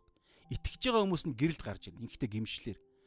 Тэгэхээр ардаа Есүс бол Христ амьд бурхны хүү гэдэг энэ ерөнхийдөө бол Есүсийн үхэл амьлал, Есүсийн сайн мэдээ, Есүс дотор л гэсэн үг. Энэ энэ үнэн тэ нэгдсэн хүмүүс л чуулган болдог. Бурхны охид үг. Энэ чуулганыг Бурхны орших, Бурхны орших, ариун сүнсний орших сүмийг ч гэдэг юм уу те. Чуулганыг үхсдийн орны хаалга дийлэхгүй. Өөрөөр хэлбэл бид эхийн хөвлөд төрөхдөө үхсдийн орон дотор төрж байгаа. Түрүү хэлсэн шүү дээ. Ром 8 дээр идүүгээ буюу одоо Есүс дотор Есүс дотор байгаа хүмүүс байвал одоо ял байхгүй. Одоо буюу одоо гэхээс өмнө Есүс итгэхээс өмнө буюу хүүхэд эхийн хөвлөд төрсэн цагаас Есүст итгэх хүртлээр үхсдийн орон дотор явж байгаа байхгүй. Сүнс нь үхмэл. Тэгээ бурхан л тэнд хөндлөнгөөс оролцохгүй бол үхмэл дотор явсаар байгаа л үхээд дуусна гэсэн. Тийм учраас энэ үхсдийн орон бид төрлөө Есүс итгэлээ тэгээд дээшигээ цөм зохиж үхсдийн орны хаалгыг цөм зохиж Тэнгэрийн хаанчлалтай нэгдэж байгаа. Тань дараар та би чуулгана босгох бөгөөд түүнийг үхсдийн орны хаалга дийлэхгүй зад тавиад дээшигээ Бурхны Эфес 2 дээр байгаачлан Тэнгэрлэг оршихуйд Эфес 2 дээр ингэж байгаа. Аа 2-ын 6 дээр Есүс дотор биднийг түүгээр амьлуулж Есүст итгэлээ Есүстэй нэгдлээ. Амьлуулж шинэ хүн боллоо. Үхсдийн орон доторх Бурхны охид өгөөд боллоо. Энэ дэлхий дээр амьдарч байгаа хүмүүс ярьж штэ. Тэгээ түүнтэй хамт Тэнгэрлэг оршихуйд суулгасан.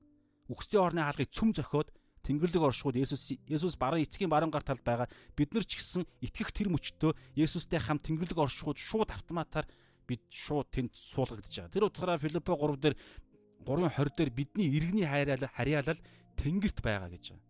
Тэндээс бид авах чизнэг хүлээж байна. Хоёр дахь хэрэлтийг. Хоёр дахь хэрэлтээс наана бид нар үхэх юм бол шууд луг луг дээр байгаачлан шууд Есүстэй нэгдэнэ. Гэхдээ сүнсээр. Харин хоёр дахь хэрэлтээр нь бид бүр сүнс биеэ биеэрээ хүртэл Есүстэй төгс нэгдлийг ярьж байгаа. Энэнийг бол теологи хэллэгээр алдаршуул гэж ярьдаг. Нөгөө гим нүглийн оршихуй хүртэл байхгүй болно бидний биед. Тэгэхээр нөгөө үндсэн суурч ерөөсөө тэрийг яриад байгаа түүний үхсдийн орны хаалга дийлэхгүй. Тэгээд би чамд Тэнгэрийн хаанчлалын дүлхүүр энэ олон тоондор шүү. Дүлхүүрүүд дүлхүүрүүдийг өгнө гэж байгаа. Би өөрөө би Тэнгэрийн би гэртээ ороход надад нэг л дүлхүүр хэрэгтэй шүү дээ, тэ? Гэтэл яагаад олон тоондор байгаа вэ? Бид нар бусдад амжуулах үүрэгтэй. Би чамд Тэнгэрийн хаанчлалын дүлхүүрүүдийг өгнө. Газар дээр юуг холбоно тэр нь тэнгэрт холбогдно. Газар дээр юг тайлна, тэр нь тэнгэр тайлах болно. Өөрөөр хэлбэл хэн аврагдах, хэн аврагдахгүйг шийддэг бид шийдэхгүй шүү. Бидэнд хүч байхгүй. Гэхдээ шийддэг түлхүүр нь биднэрт байгаа. Тэр нь сайн мэдээ. Яг шийддэг хүч нь бол Есүсийн загалмай сайн мэд, загалмай үйл явдал. Тэгэхдээ загалмай үйл явдлыг бид дамжуулах буюу тэр түлхүүр нь биднэрт байгаа. Тийм учраас бид гэдэг нь дотор ариун сүнстэй бид нар ярьж байгаа шүү дээ. Тэгэхээр юунд хүртэл ариун сүнс туслахаар ирсэн. Тэгэхээр энэ чухал ойлголт ярьж байна. Тэгэхээр түрүүний ярьсан энэ үндсэн санаа, энэ үндсэн суурь ойлголт Христ Есүс дотор байгаа хүмүүст ямар ч ял байхгүй. Идэх чинь сайн мэдээ, Бурхны хийдэг ажил, энэ өөрөө баримт. Баримт шүү. Баримт тотлогоо. Библи бүр ингээд хуучин гэрээ тэр чигээрээ, шин гэрээ тэр чигээрээ энийг баталдаг. Есүс дотор байгаа л бол ямар ч ял байхгүй. Ягаад тэгэхээр нэг юм Тэр дотор байгаад байгаа нь өөрөө хүчтэй гэхээс илүүгээр Есүс гэдэг тэр тэр нэгэнд хүч байгаа байхгүй юу? 33 жил энийгээ баталсан. Үхэл амьлалаараа. Тийм учраас Филиппо 2 дээр бүр үлэмжийн дэдэ түүнийг алдаршуулж байгаа. Тэнгэр газар дээр тэгээ агуу захимжтай бүх эрх мэдэл Есүс өгөгдөж байгаа. Бүх нэр Есүсийг эзэн гэж амаараа те өөр өөрсдийнхөө хэлээрээ Есүсийг эзэн гэж тунхаглаж байгаа. За тэгээ энэ суурин дээр аа шижир алтан байшин баригдана. За би албаар энийг надад бодогдохоор нь би бичсэн. Шижир алтан байшин энэ суурин дээр баригдана. Есүс бол Христ амьд бурхны хүү гэдэг суурин дээр. За бүр ойлгомжтойгоор ярихад Есүсийн үхэлтэй нэгдсээр байдаг амьдрал өөрөөр хэлбэл байнга гимшсээр байдаг амьдрал байнга дотоод зөрчил дотроо явсаар байдаг дотоод зөрчил нь улам нэмэгддэг амьдралыг ярьж байгаа. Байнга сүнсээрээ биш сүнс нь аль хэзээ Есүстэй адилхан болсон байнга оюун санаагаар Есүстэй адилхан болж байгаа байдал. Тэгээд эргэтнүүдээ ямар муухай гэдгийг нь олж хараад одоо бид нар үзнэ маш бодтойгоор бүр зориудаар санаатайгаар биеийнхаа бүрийн эргэтүүдээ дахил болгож өргөх, боол болгож өргөх гэдэг энэ арга замаар амьдрал дээр илэрдэг. Тэгэхээр энэ суурин дээр бид нар шижир алтан байшин барьна. Энэ байшин гэдэг энэ ойлголт шижир алт гэдэг ойлголт 2 дугаар 1 дугаар Коринт 3 дээр байгаа байхгүй юу? Ер нь дандаа цөмөрөө Библиэнд байгаа явах хэрэгтэй. 1-р Коринт 3 дээр нэг юм санаа байгаа. Энэ маш чухал шүү. Маш чухал хэсгийг холбох гэдэг шүү. Ариун сүнстэй хамааралтай. Над бодогдсон энэ хамааралтай хэсэг. За ингэж байгаа 1-р Коринт 3:11-аас 16 дээр ингэж байгаа. Учир нь за мэдээж яг энэ энэ бүлгийн хаан сэдвэн бол энэ Паул Коринт чуулганд бичсэн захидалтай хамааралтай энэ Паулаас өөр хүмүүстэй одоо буруу юм хум зааж байгаа энэ буруу тэ одоо сургаал маргаалт хамааралтай. Гэхдээ нэг чухал зарчим байна. 1-р Коринт 13 3:11-аас 16 дээр ингэж учир нь тавигдсан сүр болох. Есүс Христэс өөр сүрийг хинч тавьж чадахгүй. Ямар сүр гэлээ? Есүсийн үхэл амьлал. Баян гимшсээр байдаг, баян итгэсээр байдаг, баян Есүстэй нэгдсээр байдаг. Яаж вэ гэхээр Есүсийн ариун сүнсээр нь, амьлалтын сүнсээр нь. Өөрөөр хэлбэл бүр маш практикээр ярих юм бол түүний үг, үг. Түүний үгээр, үннээр баян явдаг. Тэгээ ингэхдээ явдаг гэж би хэлсэн. Ойлгодог, суралцдаг биш. ойлгож суралцсан оюун санаагаа шинжилэн тэгээд тэрүүгээрээ амьдрал дээр хэрэгжүүлэлт гаргадаг, үйлс гаргадаг. Ингэхдээ алдна. Ингэхдээ бид буруу хийх үйл гарч ирнэ. Дутуу мэдснээсээ болоод буруу юм буруу үйл гарах мэднэ. Өөртөө сул дорой байгаа учраас нөгөө би нь өөрөө дорой учраас бид алдаа гаргана, гим үйлдэнэ. Энэ үедээ дахиад гимшдэг. Гимшил, гимшил, итгэл, гимшил, итгэл байнга ингээд нэг хүний хоёр хөлийнх нь хоёр хэсэг аахгүй. Энэ ойлголтууд ингээд Библиэлд янз бүрийн байдлаар байнга явагдаж байгаа. Сүнс ба үннээр гэдэг ойлголт байна. Тэгээ алхах гэдэг ойлголт байна. Сүнсний сэлэм гэдэг ойлголт байна. Итгэл гимшил гэдэг ойлголт байна. Тэ янз бүрийн явж байгаа. Хоёр ойлголт дандаа явж байгаа. Тэгэхээр энэ суурин дээр гэсэн үг. Гэтэ энэ хуйуулаа итгэлэнч гимшлэнч Есүс Есүсийн үхлээр энэ бодиттой болж байгаа. Итгэлэнч гэсэн Есүсийн ариун сүнсээр Есүсийн үгийг гэдэг ойлголт. Дандаа Есүс Есүстэй л хамааралтай. Тэгэхээр энэ суурин дээр хэрв хэн нэгэн энэ суурин дээр алт, мөнгө, эрдний чулуу, мод, өвс болон сүрлэр баривал байшин байхыг ярьж байгаа. Тэр байшин гэдэг нь би шууд хэлье. Итгэлийн амьдралыг ярьж байгаа төлөвшлийг ярьж байгаа. Итгэлийн одоо шин хүнээ барьж байгуулж байгаа. Тэ шин зан характерууд байж болно. Шин оюун санааны ойлголтууд байж болно. Хамгийн бодиттой илэрлэл нь одоо тэ амьдрал ямар амьдралаар амьдарч байгаа. Ямар амьдралын сонголтууд хийж байгаа. Ямар үйлдэлүүдийг гаргаж байгаа. Тэр бүх шин хүн гэдэг нь ойлголт, бүх төвшин төвшиндэг шин хүн гэдэг ойлголт нь Есүсийн суурин дээр л байх юм яригддаг. Гэхдээ энэ суурин асуудал зүүн байгаа мөртлөө биднээс шалтгааллах юм нь бид энэ дээр ямар байшин барихаа бид анхаарах хэрэгтэй гэж. Тэгээ ажил болгон илэрхий болно. Учир нь мөнөөх өдөр үүнийг харуулна. Юу гэвээс энэ нь галаар илчлэгдэх ба гал нь хүн бүрийн ажлыг ажлын чанарыг шалгах болно. Хэрв хэн нэгэн нэгний үүн дээр барьсан ажил нь үлдвэл тэрээр шагналаа хүлээ авна. Хэрв хэн нэгний ажил шатвал тэрээр хохирол амсна. Тэр өөрөө гал дундуур гарсан мэт боловч аврагдана. Авралыг асуудыг ерөөс яриаггүй. Аварч айлизинэ хэлсэн шүү дээ. Есүс гэдэг суурь нь айлизинэ байгаа. Суурин дээр суурийг нь Есүс өөрөө хэлж байгаа. Бид суурин дээр суурлагдаж байна.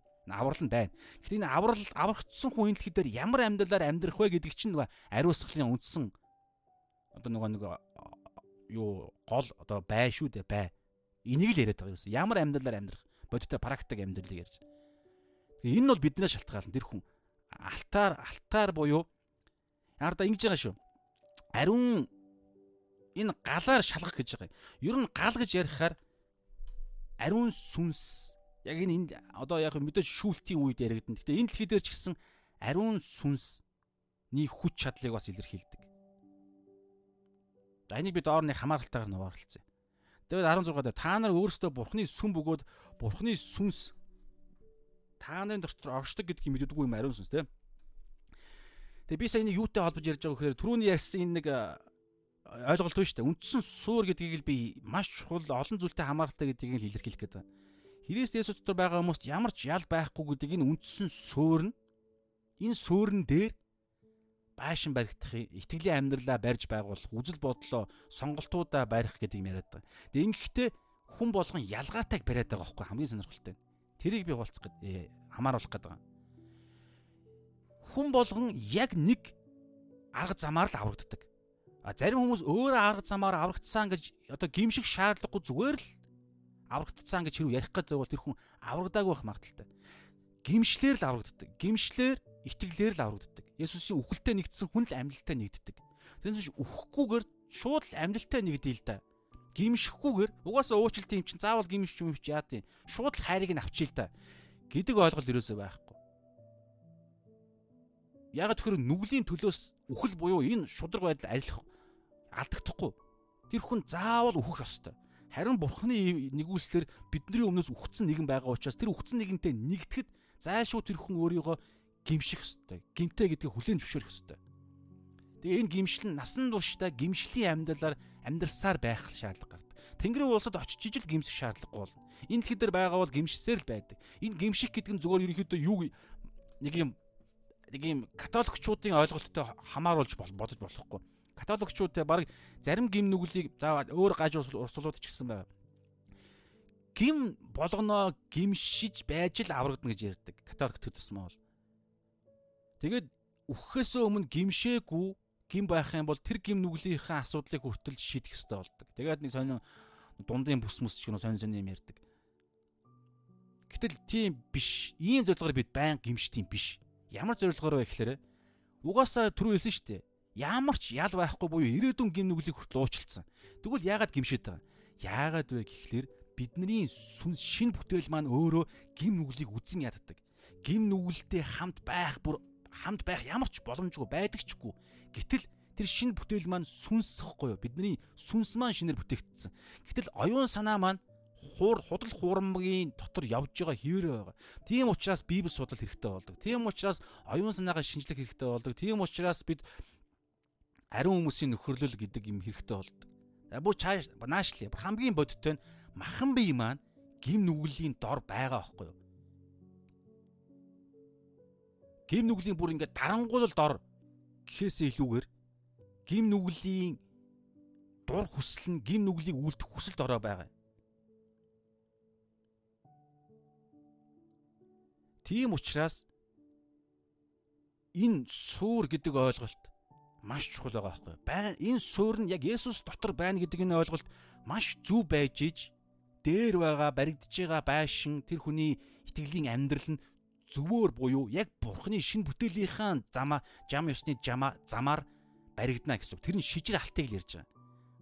Яг бурхны стандарт буюу тэр галаар ороход цаана нь үлддэг тийм байшин, тийм амьдрал Гэтэл зарим хүмүүс энэ зөв ойлголтыг мэдэхгүйгээсээ болоод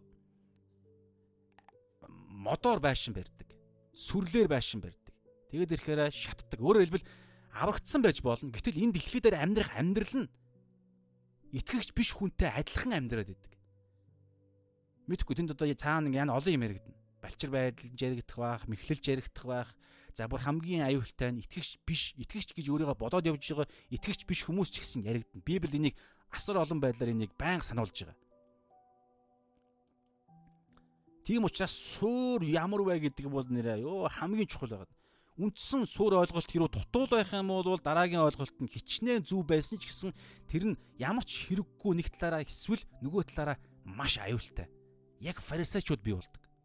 Өөрийгөө аврагдчихсан би бурхны ард түм Авраамийн ард үр удам гэж хэлээд бурхныгаа үрт танихгүй Бурхан Есүс Бурханыгаа танихгүй хүмүүс Бурханых нь хүмүүсийг танихгүй нь ойлгомжтой шүү дээ. Тийм учраас тийм хүн чуулган дотор байдаг. Бид өөрсдийгөө харах зорилготой нэг ярьж байгаа шүү. Бид нар тийм байх вэ гэдэг утгаараа. Тэгэхээр хэрв тийм юм байвал илэрх гээд байвал эзэн эзэн сануулж ивэл гимшил зорилготой шүү дээ. Гэхдээ мэдээж яг янз бүрийн тодорхой тохиолдолд тийм хүмүүс үнэхээр Бурханы нэрийг барьж эндэр дээр гарч ирвэл бид нар бас тэр хүмүүсийг таньж шалгах үүрэгтэй. За энэ бол өөр сэдв. Тэгэхээр хэлэх гээд байгаа шижир алтан байшин. Тэгээ энэ дэр ганцхан юм хуваалц тэгээд дараагийн санаар оръё. За ядаа нэг юм байна. Тэр шижир алтан байшин нь тэгвэл яг ямар байшин юм бэ? Хэлсэн шүү дээ. За суурн зүв байж юм байдгийн байж. Есүсийн Есүсийн тэ үхэлтэй нь байнга нэгдэх, амьлалттай нь байнга нэгдэх, амьдралтай нь байнга нэгдэх. Товчхондоо хэлэх юм бол байнга Есүсийн сүнс буюу Есүсийн үгээр, Библийн үгээр оюун санаагаа шинчилж мөн амьдралаа ч гэсэн үгээр нь амьдрах гэж хичээж явна. Ингээд ариун сүнсний тусламж байна. Ингээд алдна гимч гэсэн үйлд нь тэр үед үйлдэх эрсэлд унана. Ягаад гэхээр энэ бие дотор байгаа учраас ингэхдээ байн гимшдэг. Бүр зүрхнээсээ гимшдэг. А түрүү нэг юм нэг зүйлийг би мартсан байна шүү дээ. Энэ гимшил гэдэг нь католикчууд тэгж гимшдэг. Харин бидний хувьд гимшил нь ямар зоригтой вэ гэхээр аврагдахын тулд гимшиж байгаа юм биш. Усанд орж байгаа процесс аахгүй юу? Түрүү хэлсэн сүнс маань өөрөө шин бүтээл болцсон. Гим нүглийг юусоо бүр үзэн ядаад гим нүгэл дургу. Гэхдээ би сэтгэллээсээ болоод оюун санаа, бодол, хандлага тэг онцгойлон бүр биенээсээ, махан биеэсээ болоод махан биеийн шунал тачаалаас болоод гим үүлддэг. Тэгээ энэ үед өөрөө маш ойлгомжтой илэрхийлэх юм бол би цэвэрхэн байхыг хүсэж байгаа шинэ бүтээл нь. Гэтэл энэ дэлхийн өөрөө бохир. Энэ би нь өөрөө бохирт дуртай. Тийм учраас энэ гэрээсээ цэвэрхэн байх гал хамаг цагаан хувцас өмсөөл ингээл те Библийг судалж байгаа л те магтаал магтаалаа өргөөл те Библи судлалт ингээл эзэнтэйгээ харилцаж байгаа байдлаараа маш сайн бэлтгэгдэл. Гарлаа нэг хүнтэй даарлаа, нэг хүнтэй мөргөлдлөө, нэг хүн над над руу дайрлаа, нэг хүн дайрахч байтгаа нэг хүн муухай харлаа, эсвэл надад нэг нөгөө бие маань өөрөө муухай юмыг үлдэх хүсэж байгаа учраас нэг хүсэл төрлөө, тэр хүсэл хүсэл нэг имийг би сандал дээр автобусны сандал дээр суухыг хүсэж чинь нөгөө бие нь өөрөө Тэгсэн чинь хажууд нэг өөр хүн суулаа. Тэгсэн чинь уралдаал орлоо. Тэгэл би өөрийгөө эн чинь хүртэл гин нүглэнийг хэлэрэн шүү дээ. Тэгээ би хамгийн энгийн ярьж штэ. Тэгэл цаашлаа ингээл нэг хүн надад намайг муухай үгээр хэллээ тэнгүүт чи өөрөө юу гэдэг байгаа юм чи юм ингээл нэг муухай үг хэллээ. Гэх мэтлээ ингээл бохирдчихно. Өөрөөр хэлбэл би цэвэрхэн байхыг хүсэж чинь энэ би энэ дэлхийгээс болоод гэрээсээ гарлаа тэр даруй шаварт миний цэвэрхэн цагаан хувцас бохирдно гэсэн үг миний энэ арьс цэвэрхэн гой цэвэрлсэн арьс гараал заваартна гэсэн үг. Тэгвэл энэ үед амьдралын жам ёсны ямар үйлдэл бид хийдэг вүлээ? Гэртээ ирээд нүрээ угаадаг. Гэртээ ирээд хувцаа сольдог. Энэ үйлдэл чинь өөрөө гимшил байхгүй юу? Тэрнээс аврагдахын тулд биш. Би цэвэрхэн баймаар байна. Би гой баймаар байна. Ингиж гой байлгахад би болдог юм ерөөсөө л гимшил. Бид нар яг доор үзнэ. Нэгдүгээр явахын дээр маш тодорхой Тэгэхээр гимшил гэдэг бидний хувьд бол хамгийн гоё бэлэг байхгүй юу? Тэрнээс биш гимшихгүй бол аврагдах аврагдахгүй гэдэг юм балаа гаж ойлголт биш. Тийм учраас гимшил итгэл гимшил итгэл чинь бидний бүр хамгийн гоё бидэнд өгөгдсөн багж байгаа юм. За. За түрүүний ярьсан шижир алтан байшин гэдэгтэй хамааралтай би нэг зүйлийг болцсон юм. Нэгдүгээр за би унши. За уншил та. Нэгдүгээр Тимот 6 дээр нэг юм санаа байгаа байхгүй юу? Нэгдүгээр Тимот 6-гийн 6-аас 8 гэж байна. Харин итгэл сүссэг ба сэтгэл хангалуун байдал нь хамтдаа агуу ашиг мөн. Учир нь бид ертөнцид юу ч авчраагүй мөн юу ч авчгаар чадахгүй. Хэрв хоол хүн сувц хунар байвал эдгээрээр бид сэтгэл хангалуун байх болно гэж байгаа. За энийг би зайдаа бас нэг ишлэлтэй хамт аа Мата 6:33 те юуны төрөнд эхлээд Бурхны хаанчлал зүвт байдлынхаа тэгвэл бос зүйлийг та нарт нэмж өгөх болно гэж. Өөр олон ишлэл байж болно. Энэгээр юу хэлэх гээд байгаа гэхээр нөгөө шин шижир алтан байшин буюу яг Есүсийн Есүсийн бий болгосон суурин дээр бүтээгдэж байгаа төлөвшөж байгаа хүн. Тэр хүний үг яриа, тэр хүний бодол, тэр хүний амьдрал, тэр хүний сонголтууд энэ сонголт энэ тэр хүний одоо бий болгож байгаа оюун санаа, үйлчлэл, амьдрал нь энэ хоёр зүйл байгаа байхгүй юу? Нэгдүгээрт итгэл. Итгэл буюу Бурхны хаанчлалын зорилгын дагуух буюу бурхнаа алдаршуулах, бусдыг аврах. Ийм л хоёр зорилго. Тэгэхээр энэ хоёр зорилгыг базаад ганц зүгээр хэлэх юм бол бурхны хаанчлалыг л хайх. Бурхны хаанчлалын дагуух итгэлийн амьдрал ярьж байгаа. Тэгээ энэ амьдралын зорилго ийм зорилгоор. Мэдээж наан илэрх нь янз янзын байд. Юу хэлбэр нь янз янзын байдал. Та бизнесмен байж болно, урлагийн хүн байж болно, тэ одоо янз бүрийн ямар ч хүн байж болно. Ямар ч ажил хийж байж болно. Хамаа авахгүй бүх талбар дээр бүх хүнд л аврал илгээгдэж байгаа янз бүрийн арга замаар авралын ажил явагдаж байгаа. Тэгэхээр гол нь бурхнаа алдаршуулах. Тэгээ эргэн тойронд чинь байгаа хүмүүсийг аврахад ямар нэгэн байдлаар оролцох. Тэгээ энэний хамгийн бодиттой хоёр ойлголт байгаа. Нэгдүгээр та боломж за гурван ойлголт байгаа юм байна. Хамгийн ихнийх нь юу гэхээр өөрөө гэрэл давс байх. Хоёрдугаарт тэгээ боломж нь гарч ирэх үед за хаал нь онгоох үед тэр хүн та сайн мэдээг хуваалцах эсвэл цуглаандаа аваачих. 3 дугаарт нь өөрөө яг бүтэн цагаар үйлчилж байгаа хаанчлалын хүмүүст та өргөлөөрөө эсвэл ямар нэгэн өөрийнхөө эргэтнийхээ онцлогоороо тэр хүмүүст үйлчлэх ийм танд дуудлага үүрэг байгаа. Эфес 4 дээр байгаа. Коринт дээр ч байгаа олон газар байгаа. Филиппой дээр ч гэсэн. Эхлээд та өөрөө хаана ямар газар ямар амьдрал амьдарч амьдрал амьдралаар амьдарч байгаа тэр газараа өөрөө эхлээд зүв байх. Хоёрдугаарт ингэж зүв байхаар хүмүүс тань татагдана. Тэгээд таныг ямар нэгэн байдлаар тэр тань руу ингэж хаалгаа нээ. Тэгэхэд та Есүсийг танилцуулах хэрэгтэй. Энэ гоё давс байгаад байгаа нь би өөрийнхөө сайнаасаа бишээ гэд ямар нэгэн байдлаар ийм ойлголтыг та яг эзэндээ бидэнд тусалсан нэгэндээ тэр хүнийг танилцуулна. Дан гэхдээ цуглаанд заавал өрөх гэдэг асуудал яригддаг. Тэгэхгүй Есүсийг танилцуулахгүй бол та Есүсийн биднэрт өгсөн нөгөө нэг зүйлийг бид алдрыг нь хулгайлна гэдэг ойлголт яригддаг. Тийм учраас нөгөө бардамлж байгаа байдал. Тийм учраас өөрөө хэн байснаас анх Тэгээ тэгээд сайн мэдээ. Тэгээ тэгэл болоон биш байхгүй юу? Би өөрөө зүв байх чинь баг цаанаасаа болдог зүйл шүү дээ. Яг жинхэнэ итгэж хүмүүс бол угаасаа та зүв байхыг хүсэж байгаа. Таны дуртай зүйл, хоббигоо. Тэгэхээр хоббитой, хоббигоо та кино үзэх дуртай хүн кино үзэхдээ ёо 2 цаг хэдэн минут яаж энэ киног үзнэ гэж хүн ажил болгож үздэггүй шүү. Зүгээр дуртайгаа дуртайгаараа л үздэг. Ачаал байхгүй.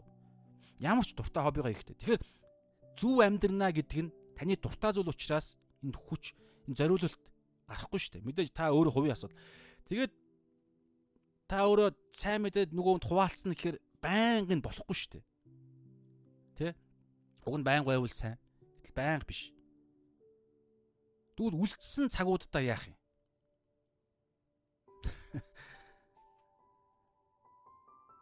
Гэтэл арда ийм байгаа байхгүй юу?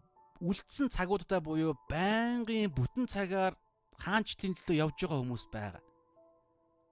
Тийм дуудлагатай хүмүүс байгаа. Та бүтэн цагаар бизнес хийж хийж идэг. Баян бүтэн цагаар мэдхгүй ямар газар тэрийг хийж идэгтэй адилхан бүтэн цагаар хийдэг хүмүүс байгаа. Тэр хүмүүс яг адилхан хоол иддэг. Яг адилхан автобусанд унаа өгдөг. Яг адилхан үр зээлээ төлдөг. Тэр хүмүүсийн санхүүг яах юм? Эсвэл та өөрөө та мэдхгүй танд ямар боломж заавал мөнгө биш. Ямар юм байдیں۔ тэр зүйл чинь тэр хүнд хэрэг болно. За гих мэтчлэн миний хэлэх гээд байгаа санаа нөгөө алтан байшин, шижил байшин гэдэг дээр бурхны алдрын төлөө, бусдын төлөө үйлчлэх зүйл гэдэг энэ зүйлээ итгэлийн амьдрал яригдчихэж байгаа. За тэгээд бас нэг юм нэмэгдэж байгаа. Энэ бол нөгөө э, нэгдүгээр Тимот 6 дээр байгаа энэ ихгүй хоёр ойлголтын нэг нь сая би ярьчлаа. Харин итгэл сүсэг гэдэгдээ сая би ерөнхийдөө ингэ ярьж байгаа. Хоёрдугаарт нь сэтгэл хангалуун байдал. Энэ сэтгэл хангалуун байдал нь ямар сэтгэл хангалуун байдал вэ гэхээр 8 дээр хоол хүнс хувцс хунар гэдэг ойлголт. Өөрөөр хэлбэл анхан шатны хэрэгцээ. Тэгэхээр хүн болгон ажил хийж хүн болгон ямар нэгэн байдлаар орлоготой. Тэгэхээр олсон орлогоороо анхан шатны хэрэгцээгээ хангагдаад тэгээд сэтгэл хандаг байдлыг яриад байгаа. Шундаг биш сэтгэл хандаг байдлыг. Энэ бол нэрэ хардаа агуу ашиг агуу ашиг гэдэг. Агуу ашигтай амьдрал. Харин 9-өөс бүр дараагийн харин баяжиг хүсэлтэжүүд нь уруу татлага ба өрөх зүсэн бүрийн монхог хор үнэлтэд хүсэлт ундаг. Эдгээр нь хүмүүсийг өгүүрэл сүрэлж живүүдэг. Бүр 10 дараа ардаа итгэжтэрийн дотор хүртэл. Учир нь мөнгөнд дурлах нь хамаг муугийн үндэс. Бидний итгэлийн амьдрал дээр янз бүрийн муу мухай зүйл болж гинөө. Үндэс шалтгаан байгаа. Бид яг сэтгэл ханамжтай байхгүй нэг талаараа нөгөө талаараа бид зүв байшингаа барихгүй Есүсийг эзнээ болохгүй хаанчлын зорилгын төлөө явахгүй байгаа учраас би гэдэг үзэл маммон гэдэг байдал эд баялаг өөр бурхныг биш хаанчлын зүйлийг биш өөр ямар нэгэн зүйлийг л эд баялгаа болгож л байвал тэр зүйл чинь мөнгө гэдэг ойлголтын цаана явдаг байхгүй. Тэгээд ирэхээр бурхныгаа амьдралынхаа зорилго биш бурхны хаанчлалын зорилгыг амьдралынхаа зорилго биш бусад өөр юу ч байсан амьдралынхаа зорилгоо болгох юм бол тэр зүйлээр чинь дамжуулна чөтгөр орж ирдэг итгэлийн амьдралд таны амьдралд тэгээд бүх хамаг муугийн үндэс болж бүр чаашлаад шунсан зарим нь итгэлээсээ төрж түмэн зовлонгоор өөрсдийгөө сүлбжээ. Итгэлээсээ хүртэл төрөхөд хүргэдэг. Тэгээд аврагдсан байсан ч гэсэн ялалтын амьдрал биш, ялагдлын амьдрал амьдэрдэг. Тэгээд түрүүний нэгдүгээр Коринтер хэлсэнчлээр да хэрв хин нэгний ажлын шатвал нөгөө ажил нь те ингээд итгэлээсээ төөрөөд бүр нэг сони амьдралаар амьдарч амьдраад тэгээд үхээд эзнийхээ өмнө очисон ч гэсэн тэр амьдрал нь шагнал ярихдаггүй. Тэг хохирол амсна. Яг уу тухайн хүн өөрөө гал дундуур гарсан мэт боловч аврагдана. Аврал нь бол мэдээж яригдана. Яг тэгэхээр бурхны өөрийнх нь хийсэн ажил бид гимжсэн. Тэгэхээр энэ мэдчлэн ийм сонирм байдал үүсгэж байгаа байхгүй. Хэрвээ нөгөө суур нь асуудалтай байвал Ром 8 дээр хэлсэн шүү дээ. Христ Есүс дотор байгаа хүмүүс гэдэг энэ ямар хүмүүсийг ярьж байгаа гэдгийг мэдэхгүй болвол тэрүүгээр энэ мэдэхгүй болвол өөрийгөө буруу мэдэж тэр итгэлийн амьдралыг буруу бодож байгаа бол ял байхгүй ч гэсэн дээр нь барьж байгаа байшин нь асуудалтай гэдгийг хэлэхэд байгаа. За. За. За энэ дээр би өстой нилээ их цагийг авлаа. За яах вэ тэгээд эзөөрөө мэдчихэж байгаа л үдээ. За одоо энэ ял гэдэг энэ ойлголт байна. За энэ ял гэдэг энэ ял шийтгэл ял ял гэдэг энэ ойлголт. Энэ бол үхлийн ялыг ярьж байгаа, хараалын ялыг ярьж байгаа. Ерөнхийдөө мөнхийн үхлийг ярьж байгаа. Тэгэхээр бид нарт угаасаа байхгүй те. Ямар ч ял байхгүй. Тэгэхээр яг гоо Стилосын доктор нэг гоё одоо хилцүү нэг юм гаргаж ирж байгаа юм л да. Яг монгол хэл дээр яг бас гарч ирж байгаа юм л да. Ямар ч за яг ингээд ямар ч ял байхгүй. Ямар ч юм байхгүй. Ер нь юм байхгүй. Үгүй. Үгүй гэдэг үгүйсгсэн хэллэг. Тэгээ энэ ял гэдэг чи өөрөө бас сөрөг хиллэг. Тэгэхээр хоёр сөрөг зүйл ингээд нэгдэж гинэ. Нэг сөрөг зүйлийг бас үгүйсгэж байгаа. Тэгээ ингээд ирэхээр бүр ингээд давхар эсрэгцэл гэдэг энэ одоо библи судлалын хилцүү нэг юм одоо эрчимжүүлсэн юм байгаад.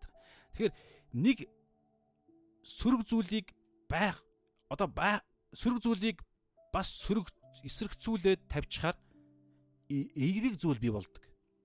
Тэгэхээр тэр нь төгс зөвтгөлийг яриад байгаа. Ямар ч ял байхгүй гэдэг нь шууд автоматар цаана нь Христ Есүс дотор байгаа хүмүүст төгс зөвтгөл байна л гэсэн үг. За тэрийг л зүгээр жоохон хилзүүн байдлаар илэрхийлж байгаа. За Христ Есүс дотор гэхээр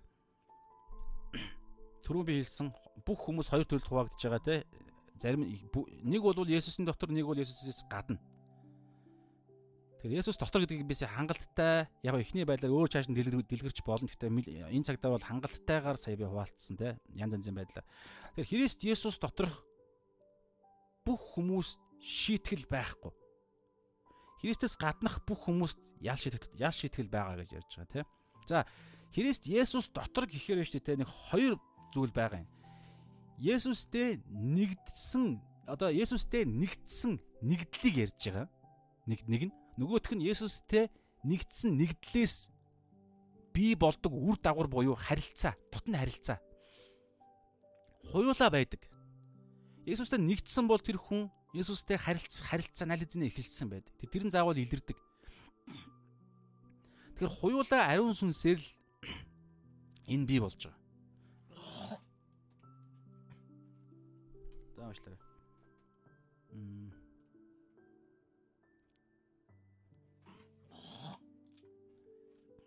Тэр хуйлаа ариун сүнсээр бий болж байгаа. Есүстэй нэгднэ гэдг нь түрүүн ярьсан гимт гимшил хэлээ. Тэгээд яг бодиттой яг нэгдэл нь яг яаж бий болж байгаа гэхээр Есүсийн сүнс бидний дотор орсноороо тэгээд бидний бидний дотор шин зүрхийг бүтээж, шин сүнсийг бүтээж.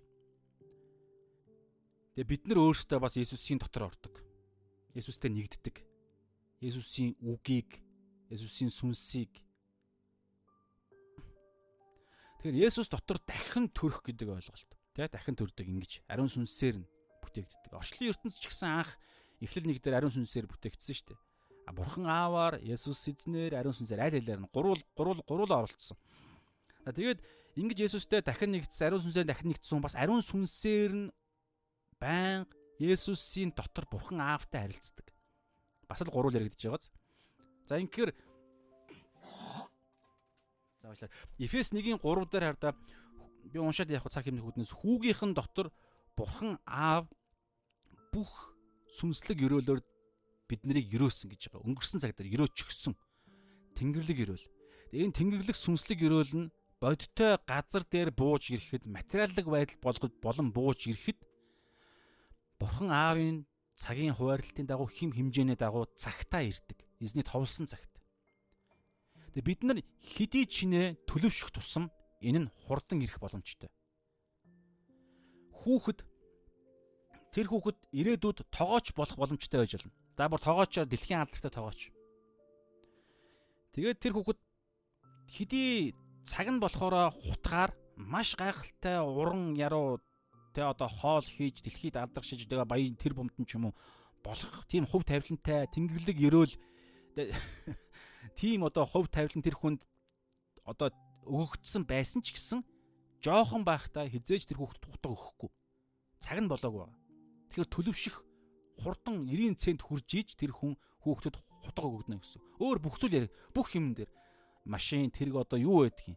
Тэгэхээр хурдхан шиг үннийг ойлгоод оюун санаагаа шинчлээд амьдрал дээр ямар хүчээр дамжуулан амьдрал дээр хэрэгжүүлэх гэдэг дээр хэрэгжүүлээд алдаж оноод гимшиж босоод цэвэрлэгдэж угаагдаад хурдхан шиг төлөвшөх тусам хурдхан шиг Есүстэй адилхан болох болсоор байх тусам аль хэзээ дөнгөж итгэх тэр мөчөд Тэнгэрлэг за би уншчихъя хань чухал юм байна. Эфес 1:3 дээр байгаа байхгүй. Бидний эзэн Есүс Христийн эцэг бурхан магтагдах болтугай. Бурхан аав аавд магтаал өгч байна. Ягаад тэгэхээр бурхан аав тэрээр Христ Есүс дотор Тэнгэрлэг оршихуйдах алив сүнслэг өрөөлөөр буюу бүх төрлийн сүнслэг өрөөлөөр биднийг өрөөссөн өнгөрсөн цаг дээр хизээ Есүст итгэх тэр мөчөд гимшиж итгэх тэр мөчөд энэ чинь ерөөсө хүн төрлөх итгэгч хүний итгэлийн амьдрал түүхэнд ганцхуудаа болдог үйл явдал шүү дээ. Есүст итгэх тэр мөчөд дахин тэр тэр мөчөд ирээдүйд өгөгдөх бүх өрөөл нь өгөгдчихдөг. Тэнгэрлэг оршихуйд гэхдээ харин газар дээр материалын байдлаар бууж ирэхэд биднээс шалтгаална. Тэр нь юу гэхээр хурдхан шиг оюун санаа санаагаа шинчлээд хурдхан шиг өөрийнхөө тэ одоо бие одоо доороос үзэн биеийн эрхтнүүдээ боол болгож өргөх, дахил болгож өргөх буюу өөрийгөө үгүйсгэх тэр төлөвшлийн амьдрал. Та одоо бодлоо энэ зөвхөн нэг нь итгэлийн итгэгч нарын амьдрал байдаг юм шиг байхгүй юу? Энэ зүгээр амьдрал дээр байдаг ойлголт. Төлөвшсөн хүн 90 цент хүрсэн хүн гэж ямар хүнийг хэлэх вэ гэхээр олон зүйлсүүдийг ярина. Гэтэ нэг чухал зүйл нь юу гэхээр өөрийгөө үгүйсгэх чадвар байдаг хүүхэд баг байхдаа өөрийгөө үгүйсгэх чадварт суралцаагүй байдаг. Юм болгоно л хүсэж байгаа юм болгоно л авахыг хүсдэг. Харин төлөвшөх тусам оо эн чин төлөвшөд тусам өөрийнхөө хүсэж байгаа юм болгоно авах нь маш мангар юм байна. Аюултай балчир ойлголт гэдгээ хүн мэддэг. Одоо юу хүүхэд байхдаа ээж аваа би наадах чи аавна би наа сандлыг чинь би аавна би наад цүнхийг чинь аавна гэдэг үүлээл тэгэл ээж аавна сайн боловсрал өгд одоо гэр бүлийн боловсрал байхгүйгээсээ болоод эрхлүүлээд нөгөө хүүхдэдээ хүссэн имийг нь өгдөг байлаа гэж бодъё. Тэг хичнээн муу ээж аавтай байсан ч гэсэн тухайн хүүхэд муу ээж ааваасаа болоод амар ирэх болсон ч гэсэн нийгэмдэр гарахаар нөгөө ангид орлоо. Ээж аав нь байхгүй. Багш нь байна. За багш байхгүй ч гэсэн байгаа. Баахан хүүхдүүд. Гэсэн чинь оо наа цаандал чинь би аав нэг нэг хүүхэдтэй нөгөө хүүхэд ирэх зангаас сургууль дээр гаргалаа бодъё. Тэгсэн чинь нөгөө хүүхэд өөгүй би аавна. Хоорондоо мөргөлдөөд зодолдоод ч юм уу те янз бүрийн байдлаасаа болоод тэр хүсэл нь хангахдахгүй. Тэгээд сүүлдээд ингээд нас би гүйцэх тусам хүссэн юмараа хийж болдоггүй юм байна. Би энэ нийгэмд зогсож амьдрах хэрэгтэй юм байна. Өөрөөр хэлбэл би өөрийгөө хүсэл болгоноо би биелүүлэх ёсгүй юм байна. Үгүйсэх хэрэгтэй юм байна. Тэгээд бүр нөгөө хүнийг нөгөө хүнтэй нийцүүлэх ёстой юм байна. Тэгээ эн чинь өөрөө өөрийгөө үгүйсэх байдал байхгүй. Өөрийнхөө одоо дур хүслээ хорих байдал. Өөрөөр хэлбэл өөрийгөө удирдах чадвар гэдгээр нэрэ тэ. Тэгэхээр ийм угаасаа амьдрал дээр байдаг юм итгэлийн амьдрал ч гэсэн яг адилхан. Эртхэн шиг өөрийнхөө биеийнхээ эргэтнүүдээ шунж байгаа хүслээ тэ заавал нам намайг хүмүүс хайртай гэж хэлэх ёстой. Эсвэл бол би ингээд намайг юм ярихад итгэвч хүн муу юм бол чи заавал намайг сонсох ёстой шүү дээ. Та пастор хүн байж заавал намайг одоо юу гэдэг надад тааруулж ингэх ёстой ч гэдэг юм уу энэ заавал би би би гэдэг юм итгэлийн амьдралд ч гэсэн байхгүй болох дуудлагатай. Эртхэн шиг ингэж өөртөөгөө ажиллаад Есүс дээлсэн шүү дээ. Өөрийгөө үгүйсгэн өдөр болгон загалмайгаа буюу бус Бурхны төлөө бусдын алдрын төлөө загалмайгаа өрөөд намайг даглуу гэсэн 23 дээр. Энэ загалмай дагалдагчийн амьдрал. Эртхэн шиг энэ төлөв байдалд очих тусам нөгөө бэлэг ёо тэнгэрлэг сүнслэг өрөөлөд бид нар дээр өгөгдөн. Газар дээр бууж ирнэ, эд материалдаг болгоно. Тэр нь юу ч болно шүү дээ яг л танд хэрэгтэй зүйл угаасаа цагтан цаг нь болохоор өгдөн байшин ч байна уу машин ч байна уу бүү мэд. Гол нь танд хэрэгтэй. Шунал би яриаггүй шүү дээ. Яг хэрэгцээг ярьж байгаа. Тэр утгаараа нэгдүгээр Тимот тэр идэж уух зүйлсэл байвал тэрэндээ би сэтгэл хангалуун байх болно. Тэгээд хаанчлан төлөө явж байгаа байгаа хаанхан ангашны хэрэгцээ хангагдаад хаанчлан төлөө явж л байгаа бол энэ томьёо энэ орц бүрдсэн амьдрал алтан амьдрал байгаа байхгүй шижир алтан байшин. Ингиж ярихаар энэ дэлхий дээр сайхан амьдралаар амар тайван ялалтын амьдралаар амьдардаг. Тэнгэрийн аанчлал шагнал яригддаг. Ягаад тэгэхээр би энэ дэлхийд ялж байгаа. Дайсны ялах хэмийг би өөртөө зөвшөөрөөгүй, шунлыг зөвшөөрөөгүй. Би байгаадаа сэтгэл хангалуун байна. Тэгээд хаанчлалын төлөө амьдарч байгаа. Итгэл сүсг гэдэг ойлголт. За ийм чухал зүйл ярьж байгаа. Тэгэхээр энэ болгон дээр аа дотн аавтайгаа харилцахын дотн харилцаа харилцааны нэг илрэл нь ивэл өрөөл хүртэл яригдана. Илчлэлт ойлголтууд хүртэл яригдчихэж байгаа. Тэгээ Эфес 2-ын 6-аас 7 дээр бас тэ түрүү хэлсэн Тэнгэрлэг хүү Есүсийн дотор бид Тэнгэрлэг оршихуд заларж байгаа. Э, сууж байгаа. Есүсийн дотор. Аль хэзээ бид Тэнгэрт байгаа. Тэнгэрлэг тэрхүү хувь тавилан маань лацдчихсан, лацлагдчихсан, баталгаажчихсан байгаа. Тэгээ энэ болгоны зорилго гэдэг нь Эфес 2-ын 10 дээр байгаа байхгүй юу? Учир нь бид сайн үйлсийн төлөө Христ Есүс дотор бүтээгдсэн түүний бүтээлүүн биднийг эдгээрийн дотор яваасаа гэж Бурхан урдаас бэлтгэж, аварч, хамгаалж, өрөөж бүх зүйлийг хангасан. Харин бидний шалтгааллах юм нь хурдхан шиг төлөвшөөд Бурханы төлөө бус нарын алдрын төлөө л амьдрах. За энэ амьдрал чинь ингээд сая ярьж байгаа энэ одоо бас ариус дур гол ярьж байгаа. За эхний ишлэлээр ярьсан юм энэ өөр зүйл ингээд холбоотойгоор яриад байвал яриа л энэ те. Тэгэхээр товчхондоо дүгнчихий дүгнээ. Тэгэхээр ялалтын амьдрал, ариусгалын амьдралаар амьдрахад хамгийн чухал ойлголт нь ялсан тэр нэгний дотор л байх гэдэг ойлголтсоо ярьсан. Есүсийн дотор байх. Есүсийн дотор байгаа хүмүүс нь бүгд зөвтгөгдчихсэн буюу хууль ёсны дагуу зөвтгөж Бурхны нүдэнд харагдчихсан, батлагдчихсан. Бид ямар байгаас үл шалтгаалаад биднийг харахтаа миний хүү Есүс гэж бид нарыг харж байгаа. Хэрвээ бид гимшсэн гимшсэн болвол Есүст итгэсэн л болвол. За энэ суурин дээр байгуулагдах амьдрал. За тэгэхээр ийм эдүүгээр Христ Есүс дотор байгаа хүмүүст ямар ч ал байхгүй. За одоо тайлбарлаж байна. Учир нь Христ Есүс доторх амийн сүнсний хууль нь чамайг нүглийн болон үхлийн хуулиас чөлөөлсөн. За одоо энэ болохоор ариун сүнсээр хийгдэх чөлөөлөлт. За одоо эндээс чинь жинхэнэ нөгөө нэг юу орж иж байгаа одоо яг тэр суурин дээр бий болж байгаа ариусгалын амьдрал, ялалтын амьдрал нь одоо яаж яг хэрэгжиж байна. Тэгэхээр Христ Есүс доторх дахиад Есүс дотор яригдж байгаа шүү. Та анзаараарай. Бүх зүйл Есүс. Тэр утгаараа Есүс бол цорын ганц зам байгаа юм. Бас хаалга байгаа юм. Есүс бол цорын ганц ам биднийг ам бидэнд ам өгж биднийг амьд болгосон. Тэгээ амьд болсон бид нар тэр амаараа тэр амьдрал амаараа амьдрах нь бас Есүс. Амин ч Есүс, амьдрал нь ч Есүс. Тэгээ энэ ам өгсөн гэдэг нь цагалмаа үхлээрээ бид нарыг аварсан гэдэг ойлголт. Тэр утгаараа үхэх үедээ тетелестайга гүйцэлдлээ гэдээ үхэж байгаа байхгүй юу? Үхэл нь бүх зүйлийг бий болгосон. Бидний аварчихсан. Харин үхлээс амьлах үедээ аварчихсан гэдг нь батлагдаж тэгээ биднэрт тэр авралаа биднэрт өгөх өгөхийн тулд эцгийн баруун гар тал руу алдар алдрынхаа суудалтаа суугаад бид нар лөө ариун сүнс илгээж байгаа. Тэр бол эзэн гэдэг ойлголт нь. Бурхны хүү гэдэг ойлголт нь. Эзэн. Ингээд ярихаараа Бурхны хүүгийн Бурхны хүү гэдэг байр суурин дээр Бурхны хажууд буюу нөгөө одоо ч гэсэн байгаа тэр газар байгаа тэр байдал амьд байгаа байдал. Еврэ 7-гийн 25 дээр байгаа. Үргэлж амьд байгаа. Бид нарыг аврахын тулд, аварсаар байхын тулд Ингээд ярихаар яг одоо энэ цаг мөчид өнөөдөр маргааш хором тутамд байнга бид нартай хамт байгаа эзэн маань амьдралын эзэн. Миний хүсэл миний эзэн биш. Өөр ямар ч ойлголт миний эзэн биш. Миний эзэн бол яг одоо миний дотор байгаа надтай намайг харж байгаа дотроос маань гаднаас маань эд эсээр маань бүх зүйл над надтай хамт байж намайг хамгаалж удирдсаар байгаа тэр нэгэн бол миний эзэн. гэдэг ойлголт баригдаж байгаа. Тэгэхээр энэ учир нь Христ Есүс доторх гэдэг энэ ойлголт чи ерөөсөө л түрүүний ярьсан те Есүсийн Есүсийн амиар бид Есүс амиар бид амь орсон Есүсийн бас сүнс ба үгээр үннээр бид амьдарж байгаа. Есүсээр амьдарж байгаа. Йох 14-ийн 6 дээр байгаа шүү дээ. Би бол цорын ганц зам үнэн ам ам амьдрал хуйлаа шүү. Амч мөн бас амьдрал ч юм уу. Амьтай хүн л амьдрын шүү дээ, тий. За энэ учир нь Христ Есүс доторх амийн сүнсний хууль нь чамайг нүглийн болон үхлийн хуулиас чөлөөсөн гэж байгаа. Энэ хууль гэдэг энэ бол За би ганц сонирхолтой юм хуваалцчих зүгээр. Энэ энэ 2 дугаар ишлэлээр байгаа хууль, 3 дугаар ишлэлээр байгаа энэ хууль гэж байгааз хоёр ялгаатай хууль байгаа даа. За яг нэг чухал бас биш. Яг жоохон детал маягийн юм байна л да.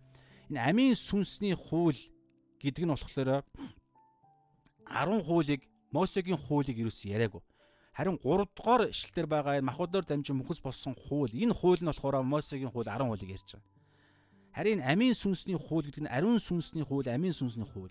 Энэ хууль хууль гэж ярихаар энэ юу вэ гэхээр яг бодиттой нэг юм бичигдсэн гэхээс илүүгээр энэ удирдах хүчийг яриад байгаа байхгүй удирдах хүчийг ярьж байгаа. Тэгээд альвааг тэг одоо ажилуулдаг, зохицуулдаг, ажиллагаанд оруулдаг, удирддаг ийм хүч баш бодиттой хүчийг яриад байгаа.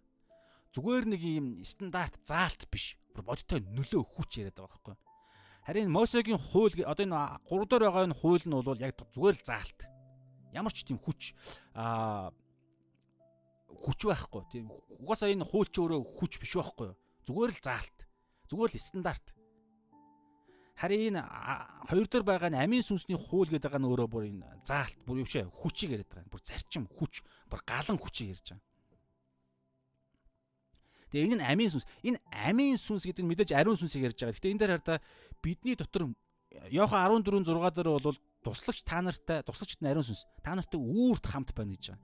Тэгэхээр ариун сүнс гэдэг нь өөрөө бидний мөнхийн амийг ярьдаг. Бас биднэрт амийг өгсөөр байдаг. Бидний ам ариун сүнс биднэрт ам өгдөг. Өөрөө бас тэр ам нь өөрөө гэсэн үг байхгүй юу? Тэгээ бидний тэр мөнгөд орших. Тэгээ ариус ариусгах хүч болдог. Тэ? Нөлөө болдог. Бодиттой хамгийн гол хэлэх гээд байгаа юм нь маш бодиттой хүчийг яриад байгаа шүү. Зүгээр мэдлэг биш мэдлэг мэдээлэл чинь өөрөө түрүүний ярьж байгаа Мосегийн хуульд туйл гэсэн санаа байхгүй юу? Яг энэ зүгээр заалт. Зүгээр нэг юм а одоо юу гэдэг юм мэдгдэл. Яг тэр мэдгдэл нь яг бодиттой болж илрэх хүч нь болохоор амийн сүнсний хууль нэгэд. За энэ хүү хууль нь хэрэгс ясан дотор биднийг нүглийн болон үхлийн хуулиас чөлөөлсөн. Нүглийн болон үхлийн хуулиас чөлөөлсөн гэж. За энэ нүглийн хууль энэ хууль нь бол харин жинхэнэ бас нөгөө юу Мосегийн хууль мэл гэдгээр явна. Зүгээр заалт юу тэ байх штэ стандарт. За энэ чөлөөлсөн гэдэг дээр нэг юм зүйл хуваалцсан юм. Тэгэхээр маш бодиттой өөр нэг хүчнээс чөлөөлсөн гэж байгаа. Чөлөөс аа тий. А нүглийн болон үхлийн хууль гэдэг нь өөрөө яг яг илэрж байгаа нь биш яг илчилж байгаа нь болохоор Мосегийн хууль. Гэхдээ яг цаана байгаа а тэр нэг хүч байгаад байгаа. Түр Гала 5:16 дээр ч гэсэн хэлдэг. Тэр нь болохоор түрүүн Ром 7 дээрээс хуваалцсан те дотор маань хоёр хууль байгаад байна гэсэн шүү дээ. Нэг нь болохоор ариун одоо те шин бүтээлийн хууль нөгөөх нь нүглийн болон үхлийн хууль гэдэг чинь бас юм. Яг энэ биед байдаг, махан биед байдаг нэг гим үйлдэлийг хүсээд байдаг байдлаар илэрдэг. Тийм одоо нүглийн одоо хүч гэдэг байдлаар гимт чанар гэдэг байдлаар. Тэгэхээр тэр тэр болохоор маш бодиттой нэг юм хүч байгаад байгаа. Нүглийн болон үхлийн бас өдөрдох хүч. Тэгэхээр эндээс чөлөөлсөн нь Есүсээр дамжуул Есүсээр чөлөөлөл төлөөлөгдөж байгаа. Тэгээ энэ ариун сүнс дотор маань орж ирж маш бодиттой чөлөөлтийг хийсэн гэсэн бодиттой. Ариун сүнс маань. Тэгээ яг Ром 3-ын 20 дээр бол байгаа юм. Махвд ямар ч махвд аа ямар ч махвд одоо хуулийн үйлсийг биелүүлж чадахгүй. Ром 8-ын 7 дээр бүр биелүүлэгч бүр чадал байхгүй гэж байгаа энэ дээр да. Учир нь махуудын бодол санаа бол бурхны эсрэг дайсагнал учир нь энэ нь бурхны хуульд захирагддаггүй тэгж чадахчгүй гэж байгаа. Энэгээр юу хэлэх гээд байгаа вэ гэхээр маш бодтой биднэрт бидний энэ түрүүн хэлсэн шүү дээ. Энэ бидний биед нэг хүч байгаад байгаа байхгүй юу? Тэр хүч нь өөрөө Бурхны эсрэг бүр дайсагналцдаг.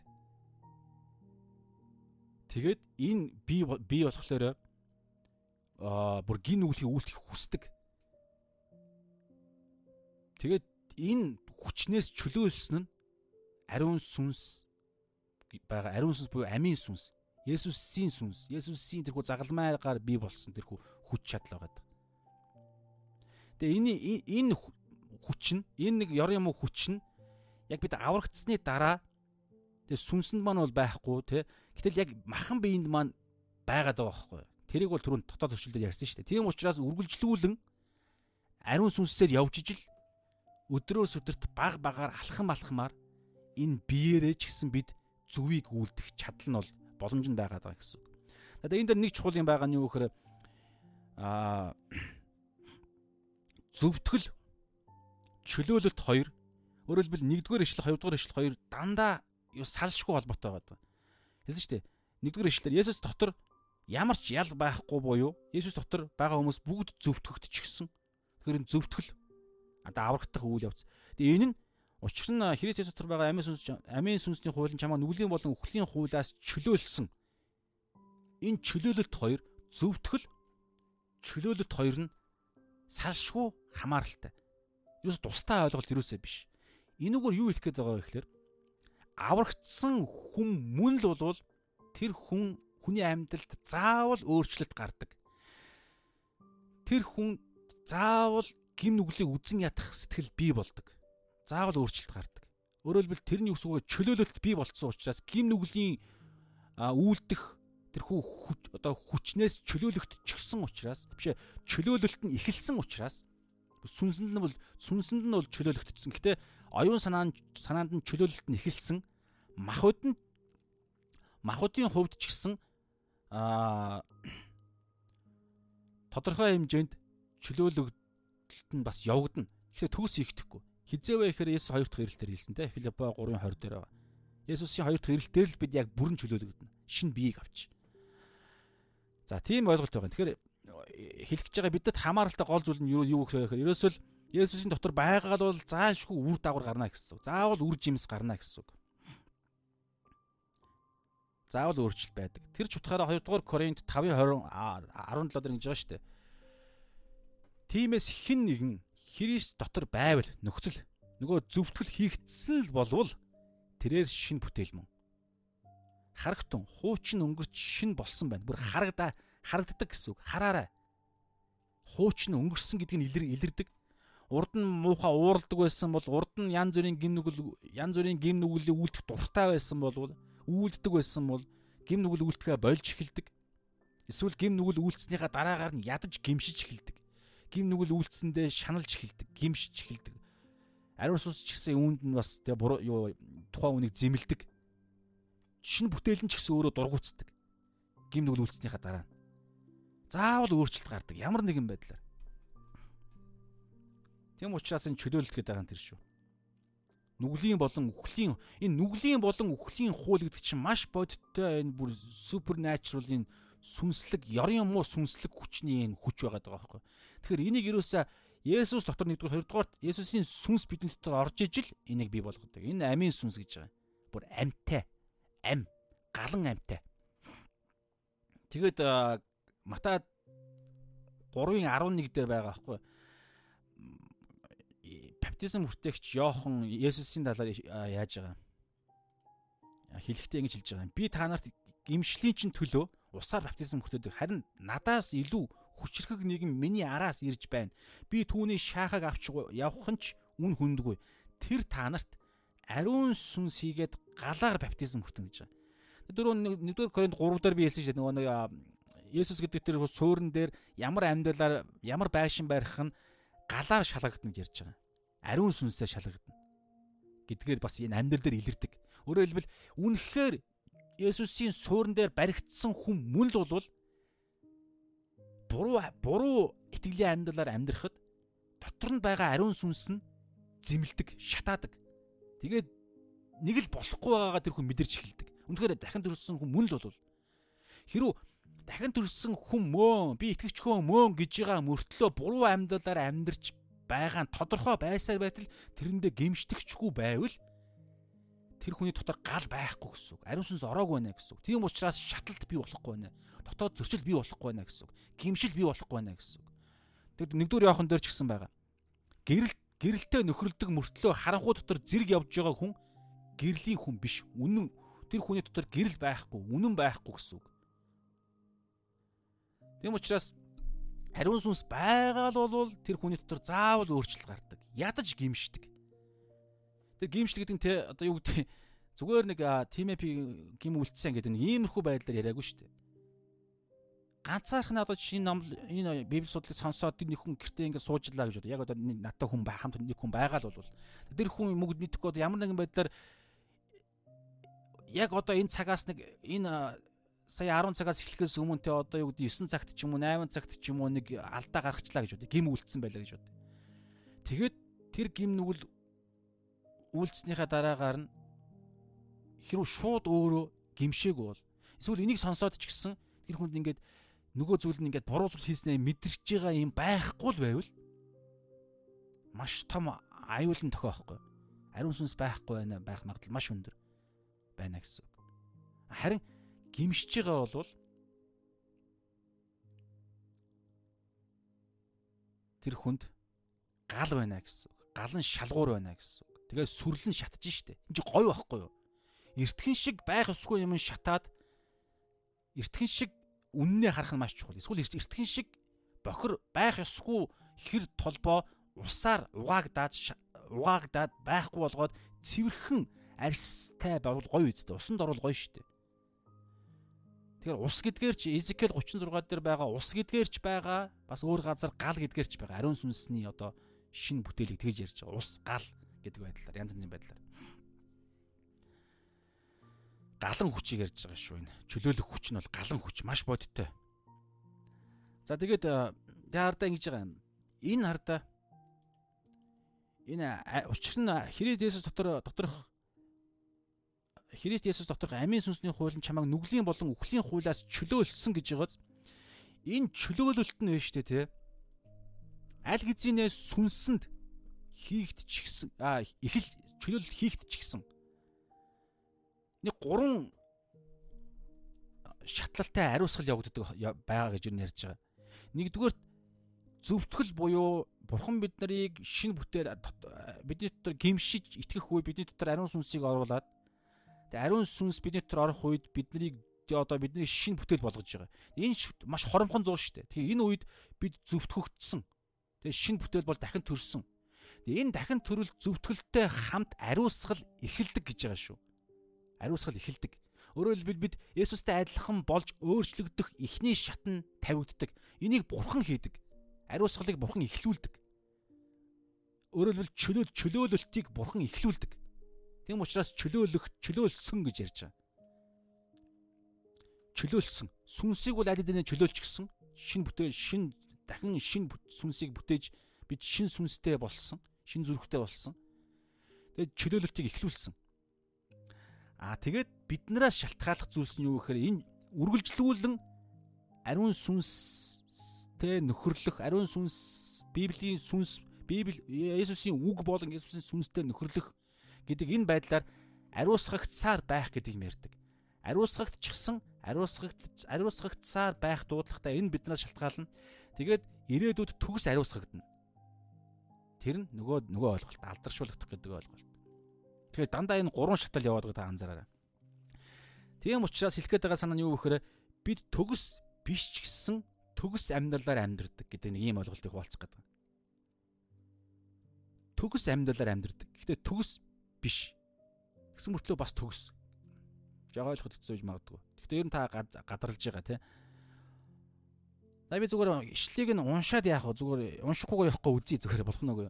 2 дугаар Коринт 5-ын 21 дээр бол бид Есүс Есүсийн үхэлтэй нэгдээд амьдлалтай нэгдээд бид Есүсийн зөв би Есүсээр бид зөвтгөгдсөн гэдэг санаа байгаа. Та өөрөө үзээрэй. Бид зөвтгөгдсөн. Бид төгс болсон. Сүнсээрээ төгс болсон.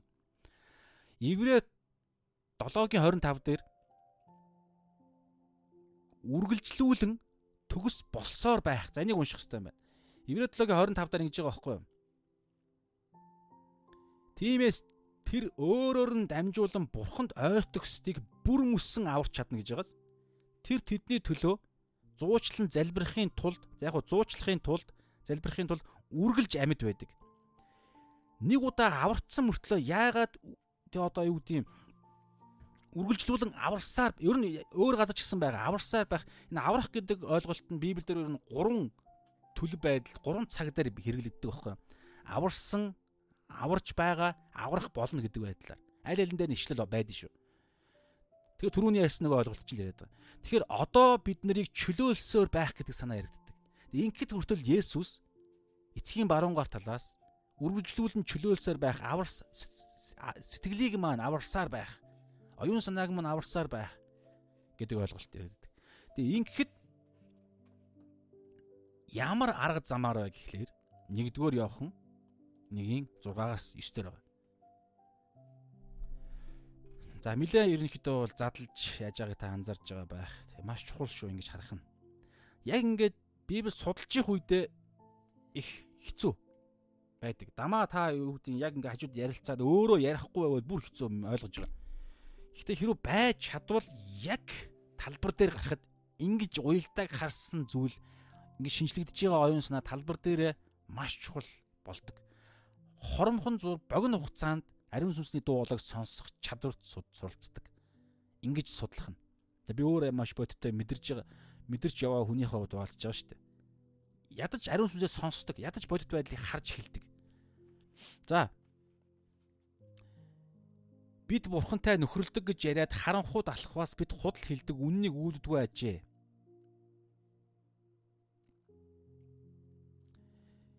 Есүстэй нэг дээд нөгөө зөвтгөгдсөн, аврагдсан хүн болвол өөрөөр хэлбэл бурхантай нөхрөлдөг хүн болвол харанхууд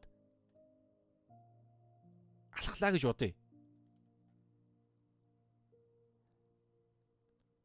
Долоо дээр харин тэр өөрөө гэрлийн дотор байдагчлан бид гэрлийн дотор явбал бид бид биенээ нөхөрлөж за ингээд хардаа бид нөгөө зөвтгөгдсөн, аврагдсан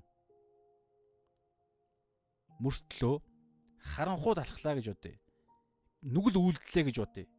Бид нүгэлгүй гэж хэлбэл нүгэл үйлдэлээ гэж бодъё.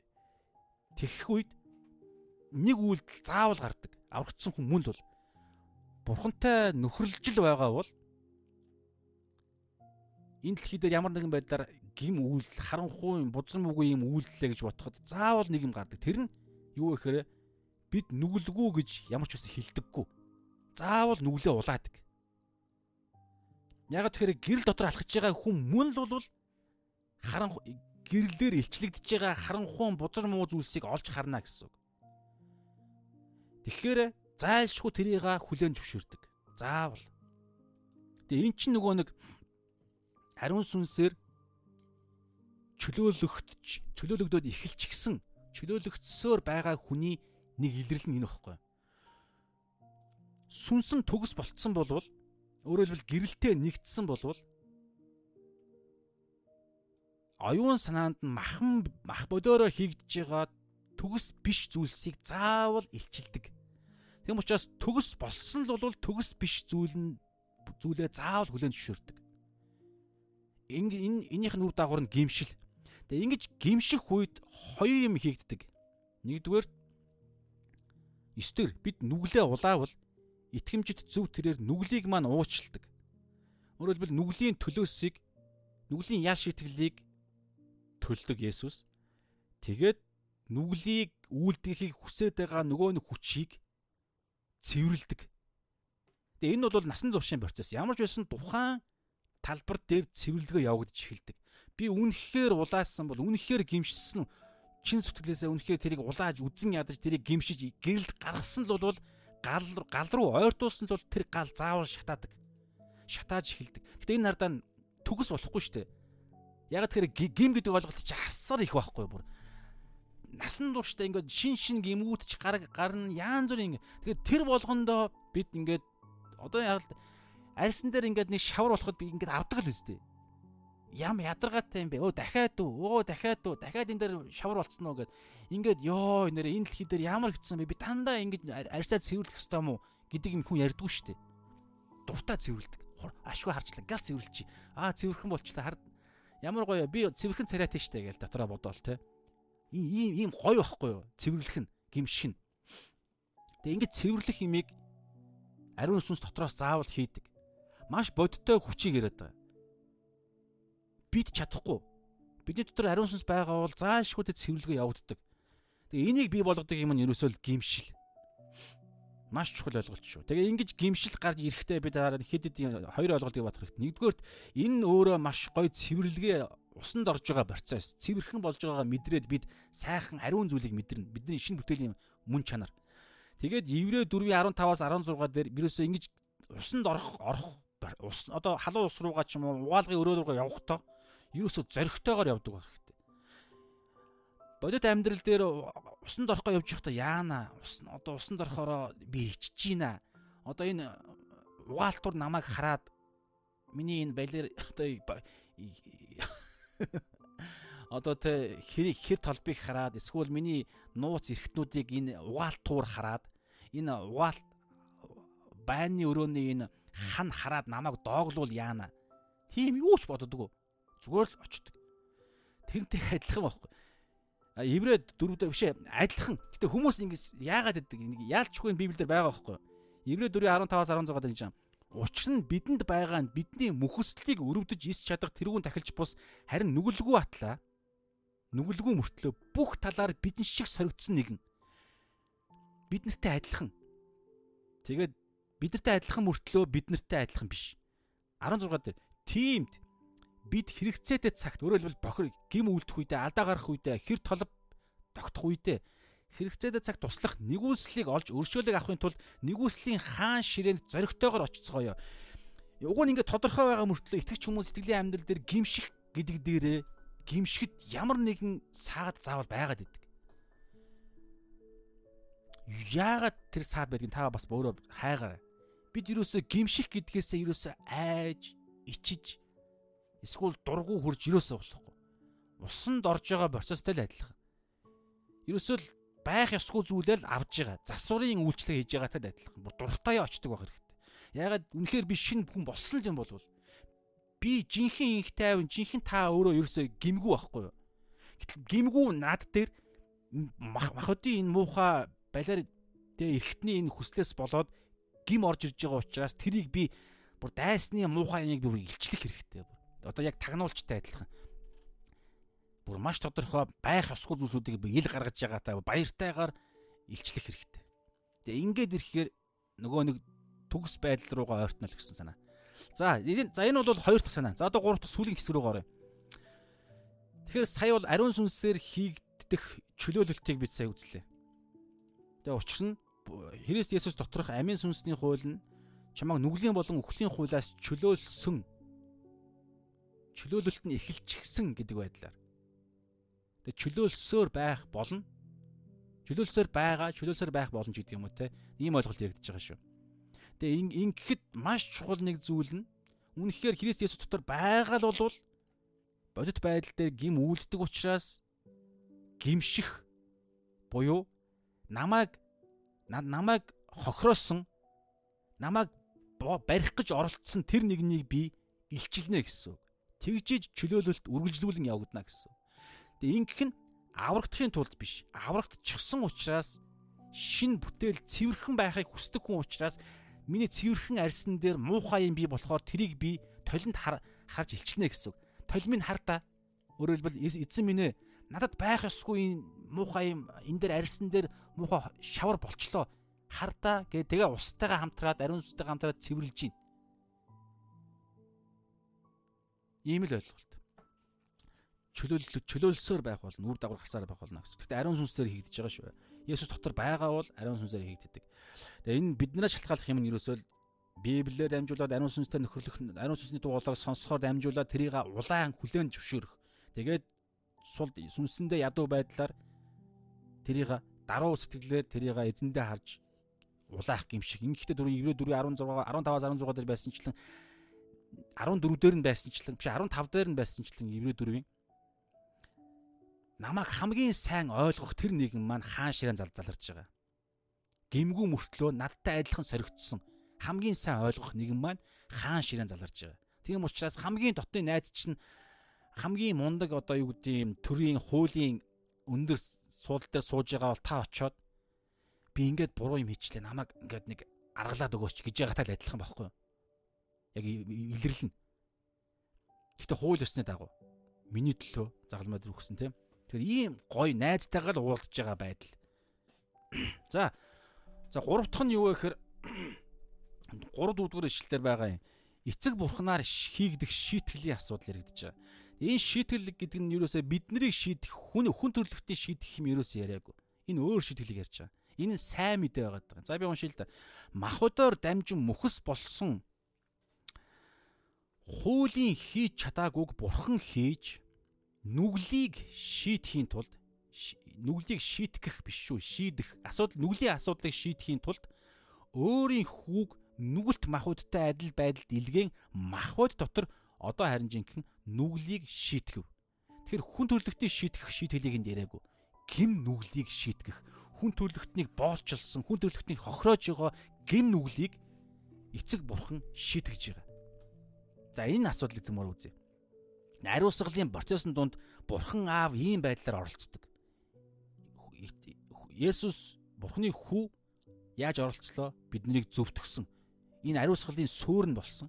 Энэ ариусгалын хүүгийн тавьсан энэ суурин дээр загалмаа дээр би болсон энэ суурин дээр ариун сүнс чөлөөлөлтийг ихлүүлсэн, үргэлжлүүлэх, үргэлжлүүлсээр байх болно. Ингээд биднээс шалтгаална, бид нартай хамтран үг ба ариун сүнс. Бид нар бидний чин үнэн байдал энэ дунд гимшил явж явж исэн те. Тэгээ энэ процессын дунд ариун сүнсний хийж байгаа энэ процессын дотор бурхан аав гим нүглийг шийтгдэг. Яаж вэ гэхлээр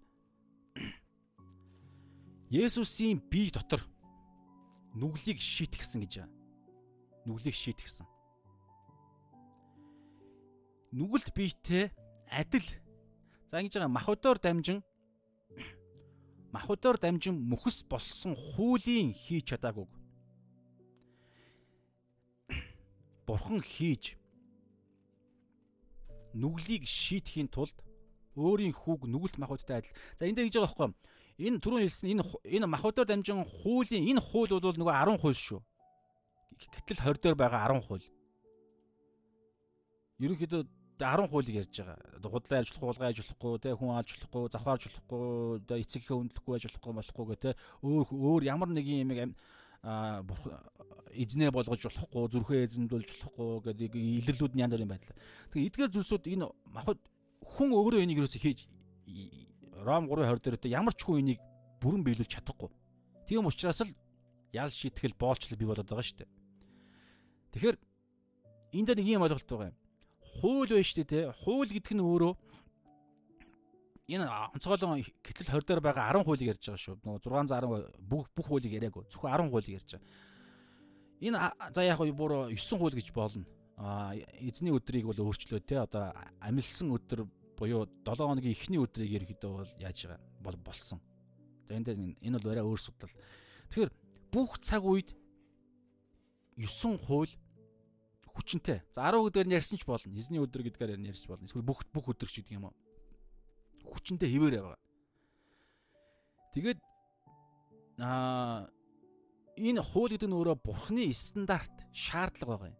Тэгээд хуулинд нэг хүч байгаа, нэг хүч байгаа. Ямар хүч вэ гэхээр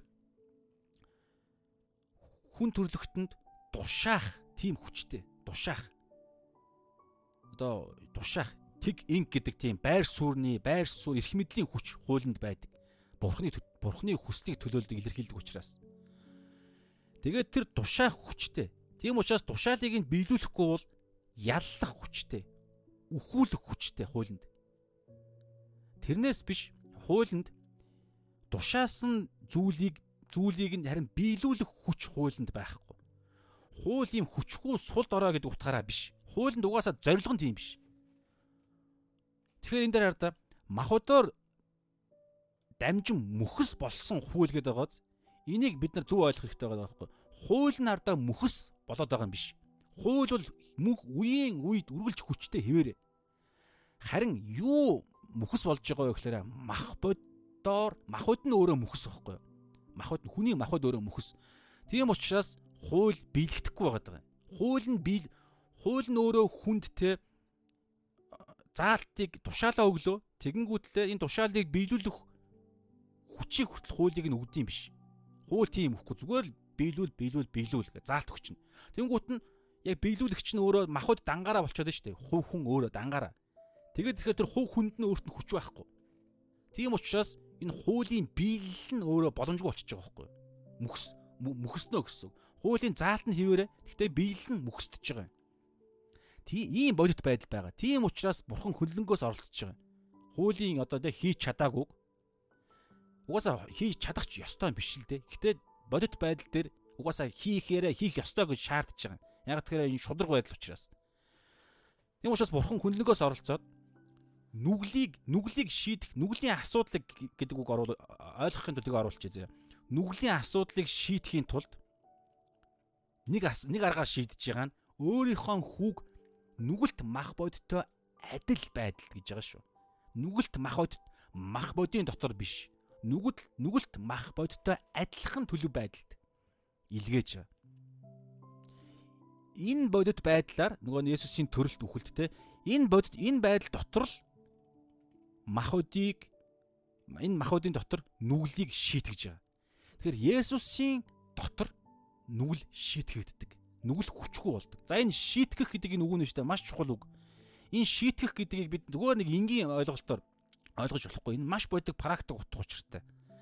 Энд ямар байдлаар шийтгэх гэдэг нь шийтгэх гэдэг нь хардаа Йохан 12-ын 31-ээс 32 дээр байгаа дээр холбоод би бас бодсон. Аа, стил лосон тогтооч гэсэн хэлсэн л. Тэгтээ би ишлэлийг нөө мандад бодогдсон ишлэл энэ аахгүй. Йохан 12-ын 30 31-ээс 32 дээр одоо Есүс загалмайдаа цолгохдоо яг өмнөх оройн. Одоо энэ ертөнд шүүгдэх гэж байна. Одоо энэ ертөнцийн захирагч зайлуулагдах болно. Би газраас өргөгдвөл бүх хүнийг өөртөө татна загалмаа үхлийг ярьж байна. Загалмаа үхлээрээ дамжуулан тэ энэ ертөнцийн захирагчийг зайлуулах энэ ажиллагаанд бүх хүнийг оруулна гэсэн үг. ертөнцийг шүүх ажиллагаанд оруулна гэсэн үг. Загалмаа үхлээр дамжуул. Тэр ямар үхлээр үхэхээ илэрхийлэн үнийг хэлжээ. За энэ энэ ишл өөр олон ишл холбогдож болно. Гол санаа нь юу гэхээр хэлэх гээд байгаа санаа нь энэ шийтгэх гэдэг нь Бурхан Аав Есүсийн амьдрал үхэл амьлалаар нь дамжуул. Ер нь Есүсийн энэ энэ дэлхий дээр ирсэн те Филиппо 2 дээр байгаа шүү те. Энэ доошо бууж ирсэн энэ хүү одоо авралын үйл явдлаар дамжуулан Есүсийн бие дотор нүглийг шийтгэж байгаа. Энэ шийтгэх гэдэг нь удирдлагыг зайлуулах гэдэг утгатай байдаг. Удирдлагыг байр сууриас нь зайлуулах. Тэгэхээр гин бэ штэ те Есүсийн загалмайн үйл явдлаас өмнө хүн төрлөختнийг удирдах боолчилж исэн юугаар нь вэхээр энэ энэ махбодоор нь дамжуулан ялдарсан биеэр нь сүнсээ сэтгэлээр нь сүнс л угаасаа үхсэн шүү дээ тий хүн болгон үхмэл сүнсээ төрж байгаа.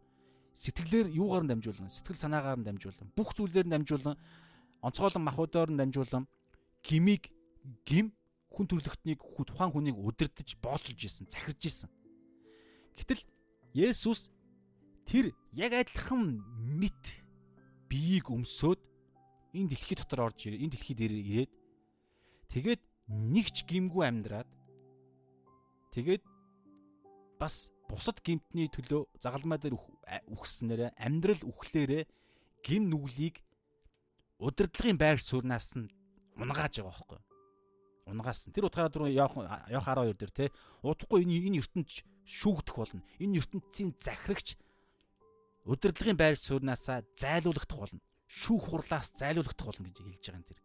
Тэгэхээр Есүсийн дотор байгаа хүмүүс Есүсийн сүнсээр үргэлжлүүлэн гэрэл дотор явсаар байгаа хүмүүс, үргэлжлүүлэн цэвэрлэгдсээр байгаа хүмүүс гимиг өдөр бидний биед байгаа, оюун санаанд байгаа, бидний амьдралд байгаа гимиг зайлуулж чаддаг. Бурхан аав бодит байдал дээр хүн төрлөختний түүхийн тавцсан дээр манай ерний 33 ойролцоогоо тэр оны үед хүн төрлөختний тэ одоо энэ шүүх хурлын талбараас сатаныг зайлуулсан. Харин бүх цаг үеийн итгэгч нарын амьдралаас бас бурхан аав хүү хүүгийнхаа дотор ариун сүнсний хүчээр дамжуулан бидний дотор байгаа биднийг удирдах биднийг удирдах гад боолчлох гээд байгаа гмийг бурхан аа бас шийтгдэг гэсэн. Ингиж гурвал ариусгалын амьдралд оролцдог. Есүсийн суурин дээр ариун сүнсний хүчээр Бурхан Аав энэхүү ариусгалыг хийдэг. Гим нүглийг устгах ажиллагаа хийдэг гэсэн үг.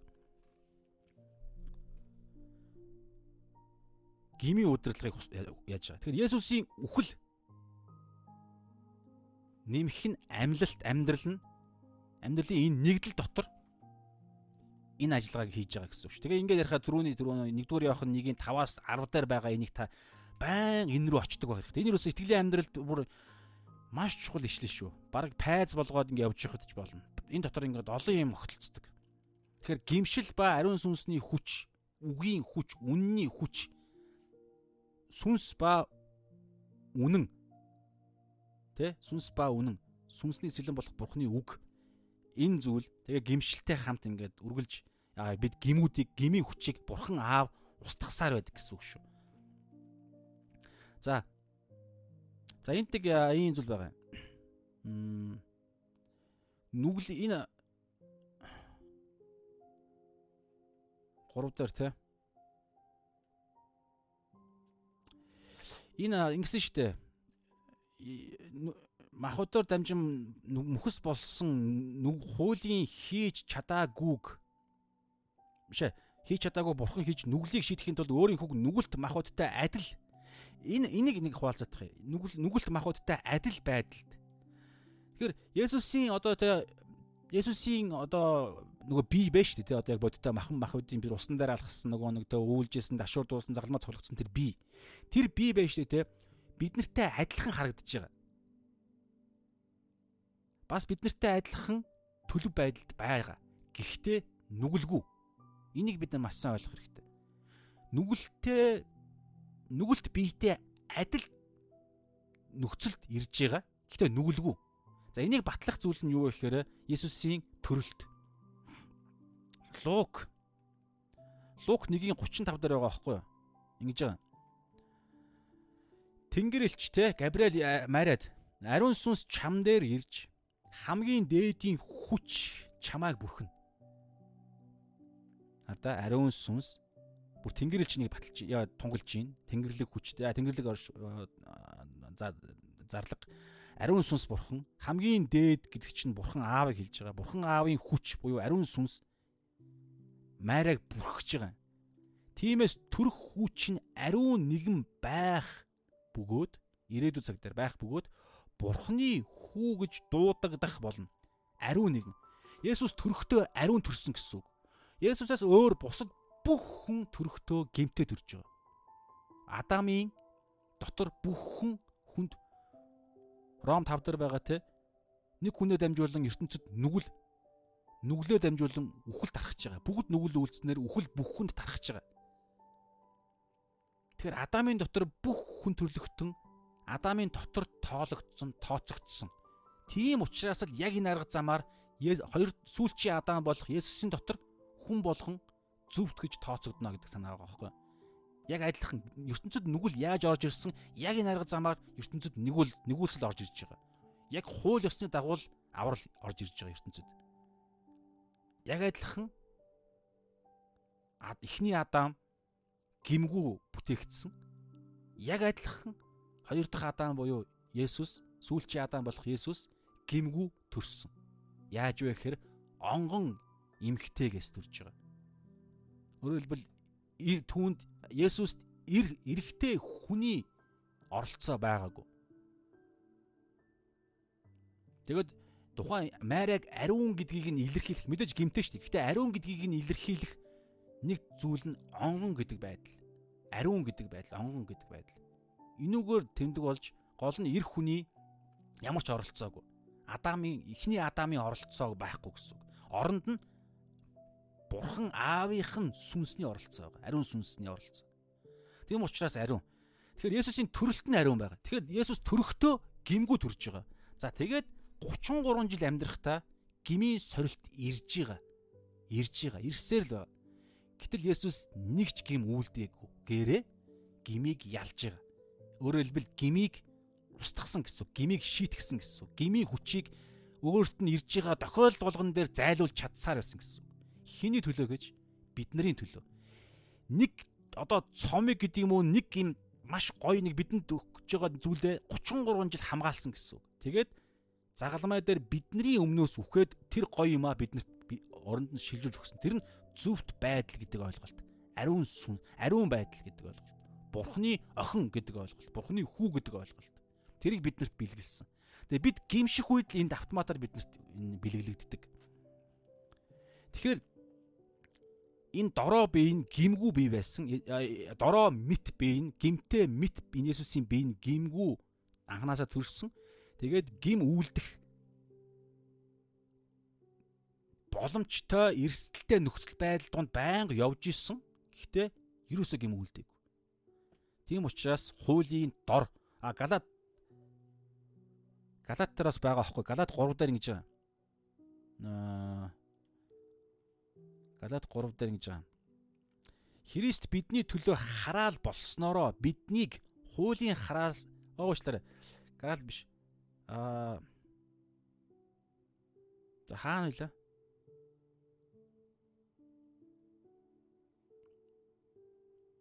Христ бидний төлөө хараал болсноороо биднийг хуулийн хараалаас золисон юм. А мөн мөн мөн. Ингэж Христ бидний төлөө хараал болсноороо биднийг хуулийн хараалаас золисон юм. Учир нь модон дээр өлөгдсөн бүхэн харагдсан. За арай биш юм да. За энэ яг хуу нүглийг шийдгсэн гэдэгтээ би энэ яасан. Уг нь ийм санаа байгаа маа. 1-р Коринт За би ишлийг олчмоор их юм. Галаад 4 дээр. За Галаад 4 дээр байгаа юм байна. Ингэж ин хар да. Галаад 4-ийн 4-5 дээр. Одоо харж байна ингээд ишлэл чэйжлэх маш чухал байгааз. Яг ингээд ариун сүнс нэг юм сануулдаг. Тэгээ яг мэдээж ингээд тодорхой хэлэн гэхдээ яг ишлэлээр нь ингээд хилээд ингээд цааш нь ингээд үргэлжлүүлээд ингээд бодлын хөвөрд явахгаар хэрвээ библиэ чэйжлээгүй бол ингээд цогсох гээд байгаа байхгүй. Гэтэ би яг урд нь ингээд бичсэн уушаа сайн олчлоо. Галаа 4-4-өөс харин цаг нь болоход эмхтэй хүнээс хуулийн дор төрөх хүүг бурхан илгээсэн юм. Есүс хуулийн доор төрсөн. Өөрөөр хэлбэл хууль заавал биелүүлэх шаардлагатай гэдэг байдалд төрсөн яарсан төрсөн. Тэгээ бас тэгээд энэ энэ нь хуулийн дор байгстыг золихын тулд юм. Ингэснээр бид үрчлэлийг авч байгаа. Нөгөө нэг хуулийн дор байгаад хуулийг бүрэн биелүүлснээр 33 жил амьдрахтаа биелүүлснээр Бурхны охин, Бурхны хүү гэдэг цолоо цолыг тэг биднэрт одоо тэр алдрыг эрхийг бид нар бид нарт шилжүүлэх боломжтой. Хуулийн дор төрж хуулийг бий биелүүлсэн тийм л тохиолдолд. Тийм учраас Есүс энийг биелүүлж чадж байгаа байхгүй. Гэтэ энэ нь өөрөө энэ бие нь өөрөө яг нүгэлтэй мэт бие байх хэвээр. Хуулийн дор байх хэвээр. Тийм учраас Есүс яг хүн болсон. Жинхэнэ хүн.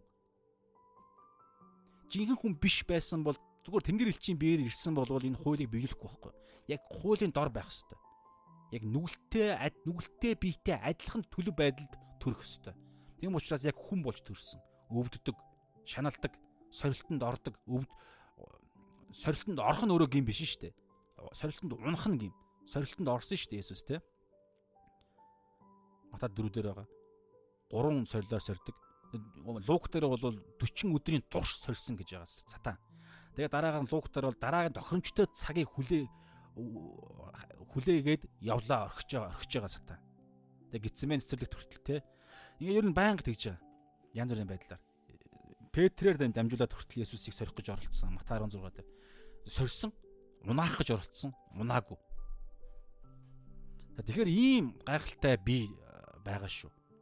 Тийм учраас түрүү еврей 4:15 дээр бид нарыг ойлгоно гэдэг байгаа байхгүй. Бид нарыг яг ямар хэцүү байдал донд ордгийг Есүс адилхан орсон. Гэхдээ ялч чадсан учраас яаж ялахыг хүртэл мэдж байгаа. Ямар хэцүү байдал байдгийг мэдж байгаа, яаж ялахыг мэдж байгаа. Тэгээд тэр мэдлэгээ зөвхөн мэдлэг биш, бас хүч чадалтай хамт ариун сүнсийг илгээсэн. Тэр ариун сүнс 2 дугаар Тимот 3:16 дээр тэр ариун сүнс нь биднэрт Библи болгож Есүсийн хэлсэн үгийг биднэрт үлдээсэн. Ариун сүнсний ярьдаг хэл, ариун сүнсний хүч хоёр чинь гээд нэгдээд биднэрт гин нүглийг ялах хүч болж ирж байгаа байхгүй. За ийм ойлголт ерөнхийдөө байна. За энэ дээр яригдаагүй зүйлсүүд юу вэ хараад тэгээд ерөнхийдөө бол дүгний да. Нилээ явчлаа. За хуулийн чадаагүй те хууль хууль болохоор түрүүн те бидэнд тушаа хүч байгаа гэж ярьсан. Гэхдээ одоо энэ ярьсан юм байна те. Гэхдээ хийх хүчийг нь бол өгдөггүй. Угаасаа тэгч ёсгүй.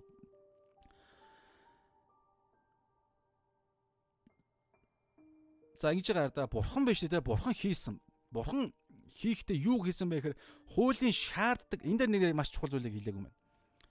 Гурав дахь нэгж байгаа шүү дээ. Махбодоор дамжин мөхс болсон хуулийн хийж чадаагүйг бурхан хийж бурхан юуг хийсэн бэ гэхээр хуулийн хийж чадаагүй хийсэн. Тэгэхээр хууль юуг хий гэж хэлдэг вэ? Хоёр зүйл байгаа байхгүй юу? Хоёр зүйл үүдэг. Хууль хоёр юмыг шаарддаг. Хүн төрөлхтнөөс бол юу гэхээр эхлээд нэг л зүйлийг шаардж байгаа. Тэр нь бүтэхгүй болохоор хоёр дахьыг шаарддаг. Эхнийх нь юу шаарддаг вэ гэхээр ерөөсөө гим битгий гимгүү бай, гим битгий үйлдэл гэж шаарддаг. Тэгээ гим гэхээр хоёр төрлийн гим байдаг штэ. Omission, commission гэдэг хийх ёстой зүйлсээ хийхгүй байх юм байх гэдэг юм байдаг. Хийх ёсгүй зүйлсийг хийх гэдэг юм байдаг. Тэгэхээр аль аль нь нэг хийх ёстой зүйлээ хийхгүй байгаа байдал нь гин болдог. Хийх ёсгүй зүйлсийг хийж байгаа нь бас гин болдог. Тэгэхээр аль аль нэг нь битгий үйлд за ерөнхий байдлаар зөвхөн гин битгий үйлдэл гэж ярьдаг. Ариун бай гэж шаарддаг. Тэгээ энэ шаардлагыг нь биелүүлэхгүй бол дараагийн шаардлага нь орж ирдэг. Тэрний юу гэхээр чи гим үйлдсэн учраас гмийн төлөөсөө төл гэж шаарддаг. Тэр нь Ром 6-гийн 23 дээр үхэл. Мөнхийн үхэл. Тэгэхээр энэ хоёрыг хуйлангийн Есүс биелүүлсэн. Өөрийнхөө бие дотроо, махан бие дотроо. Нэгдүгээрт Мата 5-ын 16 дээр байгаа 16 17-гийн бай тэр хавцаа байгаа би хуулийг биелүүлэхийн тулд ирсэн гэж байгаа. Тэгээд Есүс биелүүлдэг. Түрүүн Галатаар ч гэсэн тэр дөрүүдээр байсан. Хуулийн дор төрсөн. Тэгээ 33 жил хуулийн эхний шаардлагыг биелүүлсэн. Нэг ч гин битгий үйлд. Хийх ёсгүй зүйлсүүдийг Есүс ерөөсө хийгээгүй. Хийх ёстой зүйлсээ дандаа хийж исэн. Галат Йохан 5:19 30 дээр байгаа. Би өөрөөсөө юу ч хийдэггүй. Эцгийн хий гэснийг л хийдэг өөрөөсөө юу ч хийж чадахгүй гэж байгаа бүр. Ийм дуулууртай байсан. Филиппо дөрвийн дагуу. Үхэлд хүртэл дуулууртай байсан. Боолын дүрэг аваад үхэлд. Тийм учраас ийм дуулууртай байсан, ийм зөвхт байсан, ариун байсан, нэг ч гимгүй байсан учраас Бурхан аав түүнийг өргөмжилсөн.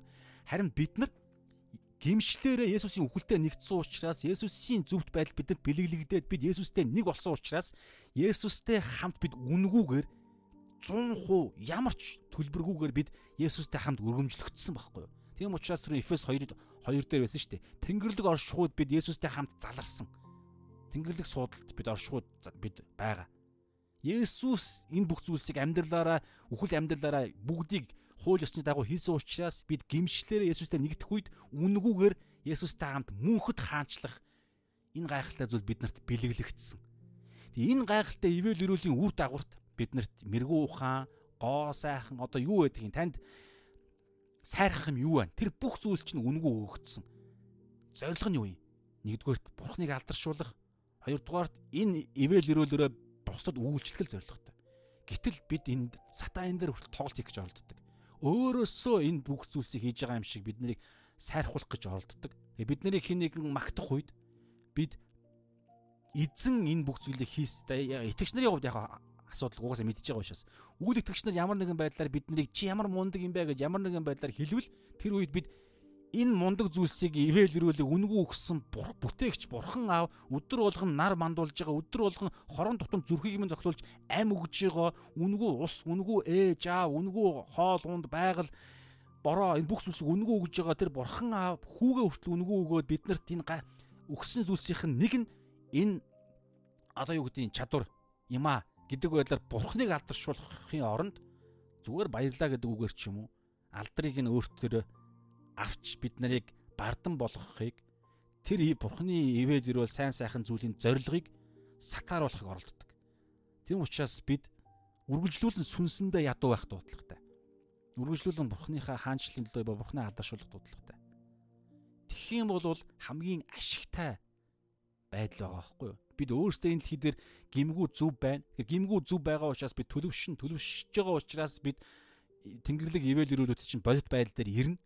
Энэ дэлхий дээрээ бид ивэл өрөөлтэй амьдрна гэсэн үг, ялалттай амьдрна гэсэн үг, хамгаалалтын дотроо үргэлжлүүлэн явна гэсэн үг.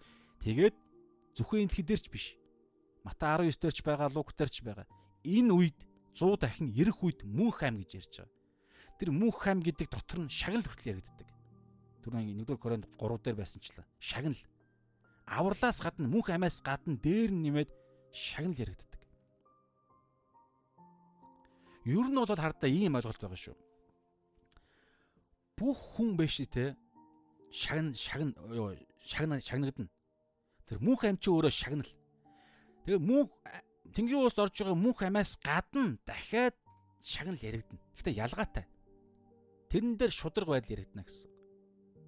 Хүн болгон ямар яаж өөрийгөө үгүйсгэж хаанчлалын төлөө бус бурхны алдрын төлөө бусдын эрх ашигын төлөө өөрийнхөө эрх ашигыг өхүүлж амьдарж байгаа хэр хэмжээнд амьдарж байгаа өөрөөр хэлбэл хэр хэмжээнд Есүстэй адилхан болж байгаагаас болж байгаа нь Тэнгэрийн улсад шагнал болгон тооцогдно гэсэн. Тэгээ ингэхэд ялгаатай ялгаатай байдлууд яригдана. Ямар ч байсан гэсэн хүн болгон хоёр шагналаар яригдана гэсэн. Нэгдүгээрт мөнх хайм Тэнгэрийн улсад орж ийн, хоёрдугаарт их баг янз янзын байдлаар нэмэлт шагналууд яригдана гэсэн. За энэ бол ялгаатай шүү. Тэгэхээр энэ нэмэлт шагнал нь их байвал гоё үстэй. Гэтэ энэ Тэнгэрийн энэ дэлхийн зүгээр мөнгө төр яригдахгүй шүү дээ. Энэ дэлхийн алт бол Тэнгэр улс зүгээр л шалных нь чулуу гоё гоёо. Тэгэхээр тэнд байгаа шагнал заашгүй мөнхөд хэрэглэгдэх ямар нэгэн хэрэгцээнд л зориулагдж байгаа. Зүгээр нэг юм хэрэггүй юм бэ биш. Маш бодиттой. Тийм учраас Тэнгэрийн улсад ялгаатай ялгаатай алдрууд байгаа гэж ярьдэн шүү. За тэр бол бас гоё зүйл байгаа даа. Тийм гоё. Тийм учраас энэ дэлхий дээр одоо юу гэдгийг за яг янз бүрийн нэрмэр дуудаад яг янз бүрийн бас те гадаад дотоод янз бүрийн хүмүүс байгаа. Итгэгч нар гэгдэх хүмүүс Тэгэхээр Библи юу гэж ярьж байгаа вэ гэхээр хамгийн ашигтай хөрөнгө оруулалт, хамгийн ашигтай зөв амьдрал бол түр 1-р Тимот 6-гийн 6-аас 10 дээр 6-гийн 6-аас 8 дээр байгаа. Хаанчлалын төлөө амьдрах. Тэгээд байгаадаа сэтгэл хангалуун амьдрах, шуналгүй. Ингиж хамгийн гол нь хаанчлал яриад шүү дээ. Тэр хаанчлалын зорилгын төлөө. Ингиж л явж байгаа тохиолдолд энэ дэлхий дээр байгаагаас давсан хэрэглээ. Давсан машин, давсан одоо юу гэдгийг гоо сайхныг хэрэглээ. Давсан хувцас, давсан хаус байшин энэ биш үү те? Аюултай байгаа байхгүй юу? Аюултай. Энийг ойлгох хэрэгтэй. Сатан маш сайлтай шүү. Энийг бид маш сайн ойлгох хэрэгтэй. Түрүү нэгдүгээр Тимот 6-гийн 10 дээр байсан шүү дээ. Шунах байдал нь тэр нь энэ дэлхий бол шунлагч хэлэхгүй шүү дээ. Харин ч бүр шунлыг хөгжүүн дэмжинэ. Зарим итгэгчнэр ч энэ шунлыг зүг гэж баг үзэх гээд байгаа. Тэ шунлаа баг шунал биш гэж тайлбарлана. Тийм тохиол байх боломжтойг үүсэхгүй. Гэхдээ л маш ховор байхгүй. Ягаад тэгэхээр энэ дэлхий чи өөрөө тогтолцоон тийм байгаа учраас эзэн баян итгэгч нараар одоо юу гэдэм те. За энэ бол яг би сайн мэдэхгүй байна. Яг мэдэхгүй юм яа зогсоолоо би яг өөрөө баян байдлын баян байх дуудлагагүй угаасаа би тэрийг хүсдэгчгүй дургу я өөр зүйл. Тийм учраас энэ юм надад өгдөөг учраас би яг өгцөн хүмүүсийнх нь яриад явах. Ямар ч миний хэлэх гээд байгаа гол юм суурн үргэлж хിവэрэ. Тэр нь юу вэ гэхээр ерөөсөө түрүүний яриасан хоёр ойлголт. Хаанчлыг чухалчлах тэгээ байгаадаа сэтгэл хангалуун байх. Байгаа машин байгаа байшин байгаа хэрэглээ. Тэгээд илүү олж болно. Илүү олоод хэдэн саяар нь олсон ч гэсэн байгаад сэтгэл хангалуун. Илүү тэг илүү олж байгаа тэр дансанд байгаа мөнгө яах юм? Тэрүүгээрээ илүү машин биш. Яг мэдээж тодорхой хэмжээнд нэг юм байж болно. Гэтэ илүү олсон ч гэсэн тэр илүү биш. Тэгвэл тэр мөнгө яах юм? Хаанчлалын зориг. Ариун хүмүүсийн үйлчлэлд зориулах гэдэг ойлголт байгаа. Загтлууд дээр зөндөө байгаа. Паул бүр энийг бүр маш тодорхой нэгдүгээр комментэд ярьж байгаа бүр намайг очихоос өмнө урдчлаа та нар 7 хоногийн эхний өдөр ариун хүмүүсийн үйлчлэлд зориулаад бэлтчихсэн байгаарэ гэж ярьдаг. Тэгээ ингэж бэлтгэхэд тухайн тэр баян саятан хүний цуглааны өргөл нь их байх туссан сайн байхгүй юу? Их байх туссан. Тэгэхээр ингэж ярихаар ингээд амар олон талтай ойлголт. Нөгөө цуглааны ч ингээд энэ бол яах ямар ч миний хэлэх гээд байгаа тухайн тэр баян хүний өнцгөөс би ярьсан шүү. Ер нь баян хүн гэж байгаа бол мэдэхгүй одоо тийм баядаг ч юм уу ч юм. За ямар ч байсан миний хэлэх гээд байгаа гол сурвал ерөөсөө тэр шүү. За юу ярьж байгаа цааш орчуу. Бүлийн шаарддаг зүйлс те. Аа тий гим гэдэг дээр бол ерөнхийдөө тэрийг ярьж байгаа. За. За энэ ямар ч гэсэн үлдэн тэгээ зарим юм би яриаггүй үлдчихдэг. Тэгээ тэрийг та хоёроо Word файл яг нь татаж аваад ингээд харах юм бол яриаггүй юмуд бас байгаа шүү. байгаа байх гэж бодож байна. За тэгээ дөрөвдүгээр ишлэлээр нэг зүйлийг ярилцаад хуваалцаад тэгээ өндөрлөе. За 3 4 дээр бол эцэг бурхан сая 3 дээр бол ярьсан шүү дээ, тэ.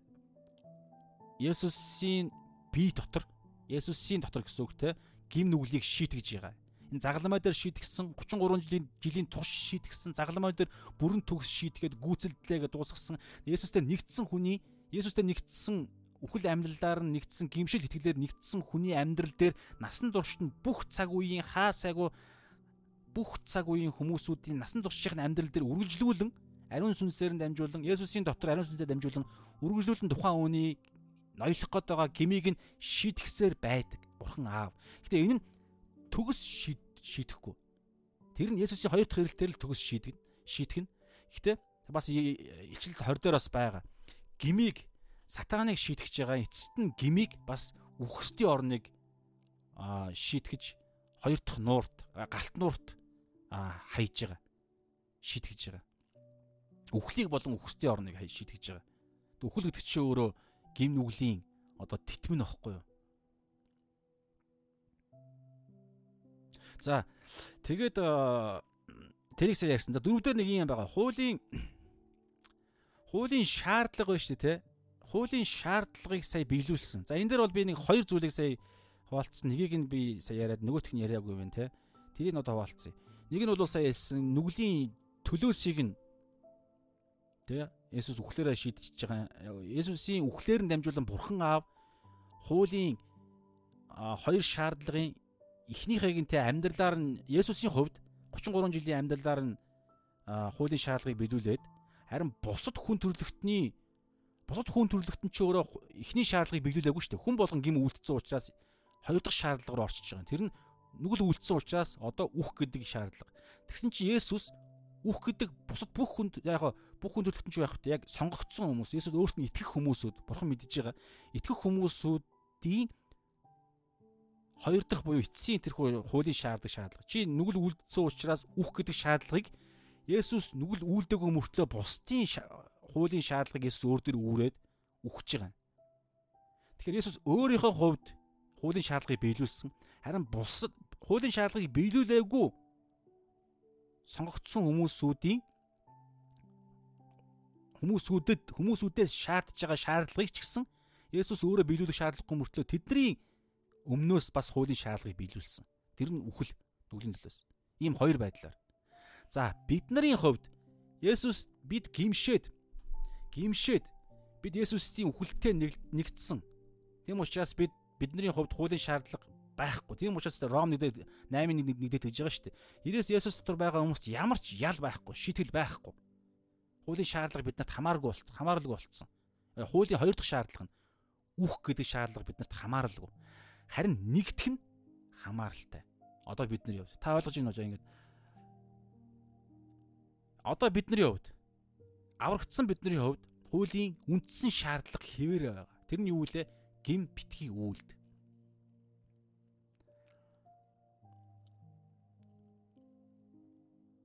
За хэвээрээ байгаа. За би чааш дараагийн тайлбар нь орно шүү. Шууд ингээ та битээ дотроо юм бодчихорой. За энэ ямар ч хэвээрээ байгаа. Тэр нь Матай 5-ын 16-аас 24 би хэлсэн. Дахиад би уншия. Хуулийг эсвэл иш үзүүлэгчдийг хэрэгсэхгүй болохоор намайг ирсэн гэж бүү бод. Хэрэгсэхгүй болохын тулд биш харин гүйцэлдүүлэхийн тулд би ирсэн. Тэгэхээр Есүсийн хувьд ямар ч гэсэн өөрөө биелүүлсэн. Түрүүн ярьсан хоёр байдлаар.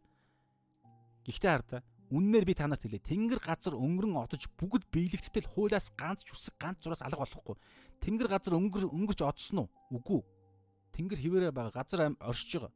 Тийм учраас хуулийн хуулиас бүгд биелэгдсэн үү гэхээр хуулийн Бурхны хуулийн 616 613 хуулийн ихэнх нь Есүсийн загалмаа үхэлтэй Есүсийн дотор биелэгдсэн. Гэхдээ 10 хуулийн 9 хууль нь биелээгүй. А юу 9 хууль нь биш ээ 9 хууль нь хэвээр байгаа. Бүрэн биелээгүй. Одоо жишээ нь л да бид нар бид хулгай хийх эрсдэл тунд байгаа юу? Завхаарах эрсдэл тунд байгаа юу? Хүн алах эрсдэл тунд байгаа юу? Бүх хүн төлөвтний хувьд. Эсвэл үзэн ядах байдлаар ч гэсэн алах нь үзэн ядах нь хүн алахтай адилхан гэж байгаа. Эцэгхээ хүндлэхгүй байх эрсдэл тунд байгаа юу? Байгаа. Тийм учраас бүрэн билээгүй байгаа байхгүй. Тэнгэр газрын доор ямарч байсан.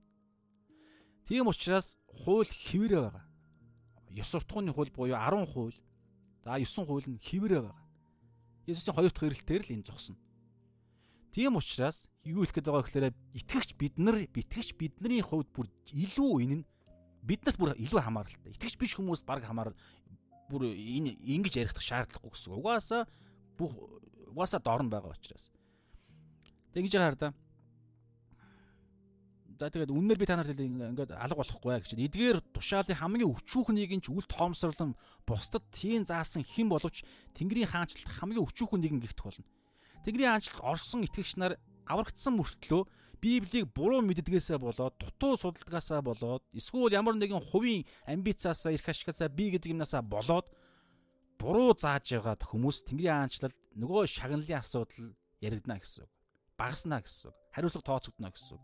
Дамаа багшийн хувьд Яаков 3-1 дээр байгаа шүү дээ. Хүн болгон багшуулж болохгүй. Илүү шүүлтэнд орно гэж байгаа. Тэм учраас Библийг заадаг хүмүүсүүд хүмүүс хууль ямар ч хүчингүй болцсон, аврагдсан, хүснээрээ амьдр гэж байгаа юм шиг. Зүгээр гимшээлээ тэгэл болоо. гэж байгаа юм шиг зааж явбал Тэнгэрийн хаанчлалынхаа орж магадгүй ордгоор орох бах зарим нь зарим нь буруу буруу хүмүүс ч байгаа. Тэдгээр хүмүүсүүд Тэнгэрийн хаанчлалынхаараа шүүлтэнд орно л гэсэн. Ажил үйлчлэлийн хэлсэн үг ярианыхаа шүүлтэнд орно гэсэн. Тэгэд ирэхээр ялгаатай ялгаатай байдал ирэгдэнэ. Харин эдгээрийг сахиж ийн заасан хэн боловч Тэнгэрийн хаанчлалд агуу нэгэн гихтэх болно гэж. Би танарт хэлье. Та нарын зүвт байдал фарисеучуд болон хуулийн багш нарынхаас илүү гарахгүй бол Тэнгэрийн хаанчлалд орохгүй.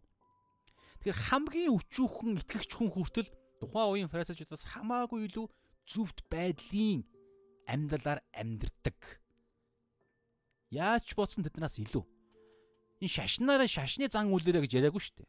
Зүвт байдал гэдэг стандартыг ярьж байгаа. Бид фарисеучудаас хамаагүй л. Фарисеучуд яг хуу 7 хоногт амар олон удаа мацаг барьдаг байж болно. Гэтэ мацаг барих чинь зүвт байдал биш шүү дээ. Юу зүвт байдал вэ гэх нөгөө хайр, үйлчлэл, өөрийгөө үгүйсгэж байгаа байдал, даруй байдал мэтэлж ороо явчихна гэсэн. За тэгэхээр энэ дээр гэж байгаа хараа түрүүн хэлэх гээд байгаа санаа. Дөрөвдөр хараа ингэснээр хуулийн шаардлага нь махуудын дагуу бус. Хэлбэл итгэж биш хүмүүс биш. Харин сүнсний дагуу явагч бидэнд биелэгдэнэ гэж. Яг итгэж хүмүүс дотроо махуудын дагуу байдаг хүмүүс нь хуулийн шаардлагыг биелүүлж чадахгүй. Тийм учраас итгэж хүмүүсээ, жинхэнэ итгэж хүмүүсээ ариун сүнсээр яваар гэдэг байдлаар байгаа мэдээж. Гэтэ би сая ерөнхий байдлаар ярьлаа шүү дээ. Итгэгч хүмүүсээс итгэж хүмүүс бид нар хуулийн шаардлагыг бүр илүү биелүүлэх боломжтой байдалд ирчихсэн итгэгч биш хүмүүсүүдийн хувьд хуулийг ямар байдлаар хэрэгэлдэг вэ гэхээр түрүү 1-р Тимот 1-ийн 8-аас бид үтсэн шүү дээ. 8-аас 11 дээр. Тэднийг ял дотор байгааг нь харуулахын тулд харин итгэгч хүмүүсүүдийн хувьд хууль нь одоо ямар байдлаар хэрэгжиж байгаа гэж одоо жинхэнэ биелүүлэх зорилготойгоор ирж байгаа. Гэтэ төгс биелүүлээрэ гэж шаардахгүй шүү дээ. Төгс биелүүлээрэ гэж шаардахгүй тэр шаардлага чинь дөрөв байхгүй болсон шүү дээ хэлсэн шүү дээ түгс биелүүлгэж шаарддаг шаардлагыг бид биелүүлж чадахгүй учраас энэний үр дагавар үхэх гэж шаардсан тэр шаардлагыг Есүс үхээд биелүүлсэн бид харин гимшлээрээ Есүсийн тэр биелүүлсэн байдалд бид нэгдчихсэн харин одоо бид нар ямар байдалтай байгаа гэхээр аврагдсан учраас одоо бурхан аавынхаа хүслийн дагуу эсвэл шинэ бүтээлийнхаа хүслийн дагуу амьдрахад хууль биднэрт зааварчилгаа болж байгаа За ингэхэд болоогүй. Одоо ингэхэд хараа ингэж хуулийг бид биелүүлэх чад боломжтой болсон. Гэхдээ ингэхэд нэг л арга замаар биелүүл. Ариун сүнсээр л биелүүл. Тэрнээс биш аврагдсан мөртлөө мах өдөөрөө яваад байгаа хүн биелүүлж чадахгүй гэсэн. Ариун сүнсээр л биелүүлнэ гэсэн. Яаж вэ гэхээр махуудын дагуу бус харин ариун сүнсний дагуу. За энэ дээр би түрүү нэг яг би ер нь хэлсэн сая Матай 5-ын 16-аас 20 дээр уншсан те хуулийн за хууль гэдэг дээр яг 10 хуулийг за 9 хуулийг ярьж байгаа шүү. Хуулийн шаардлага нь итгэж биднэрт одоо хүчинтэй гэдэг дээр 9 хуулийг ярьж байгаа.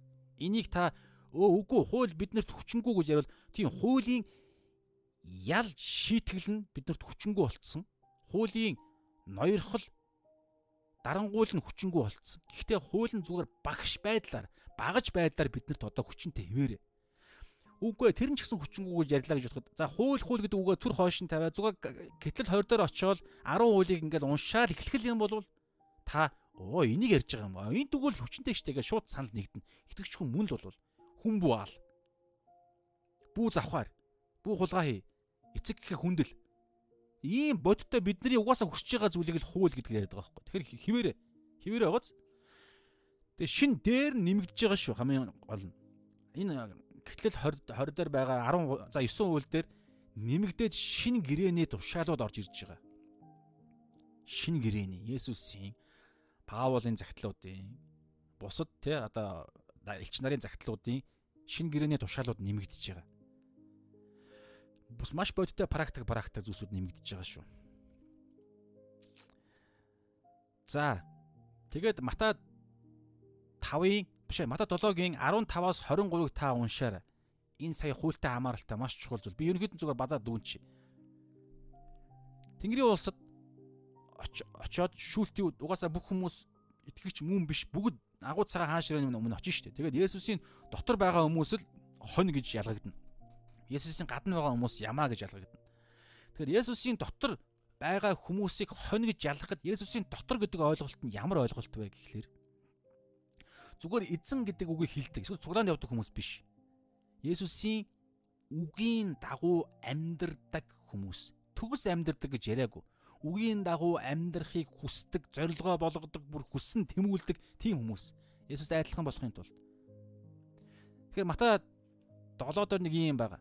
7-гийн 20 за би яг 15-аас 5 уншиж болно.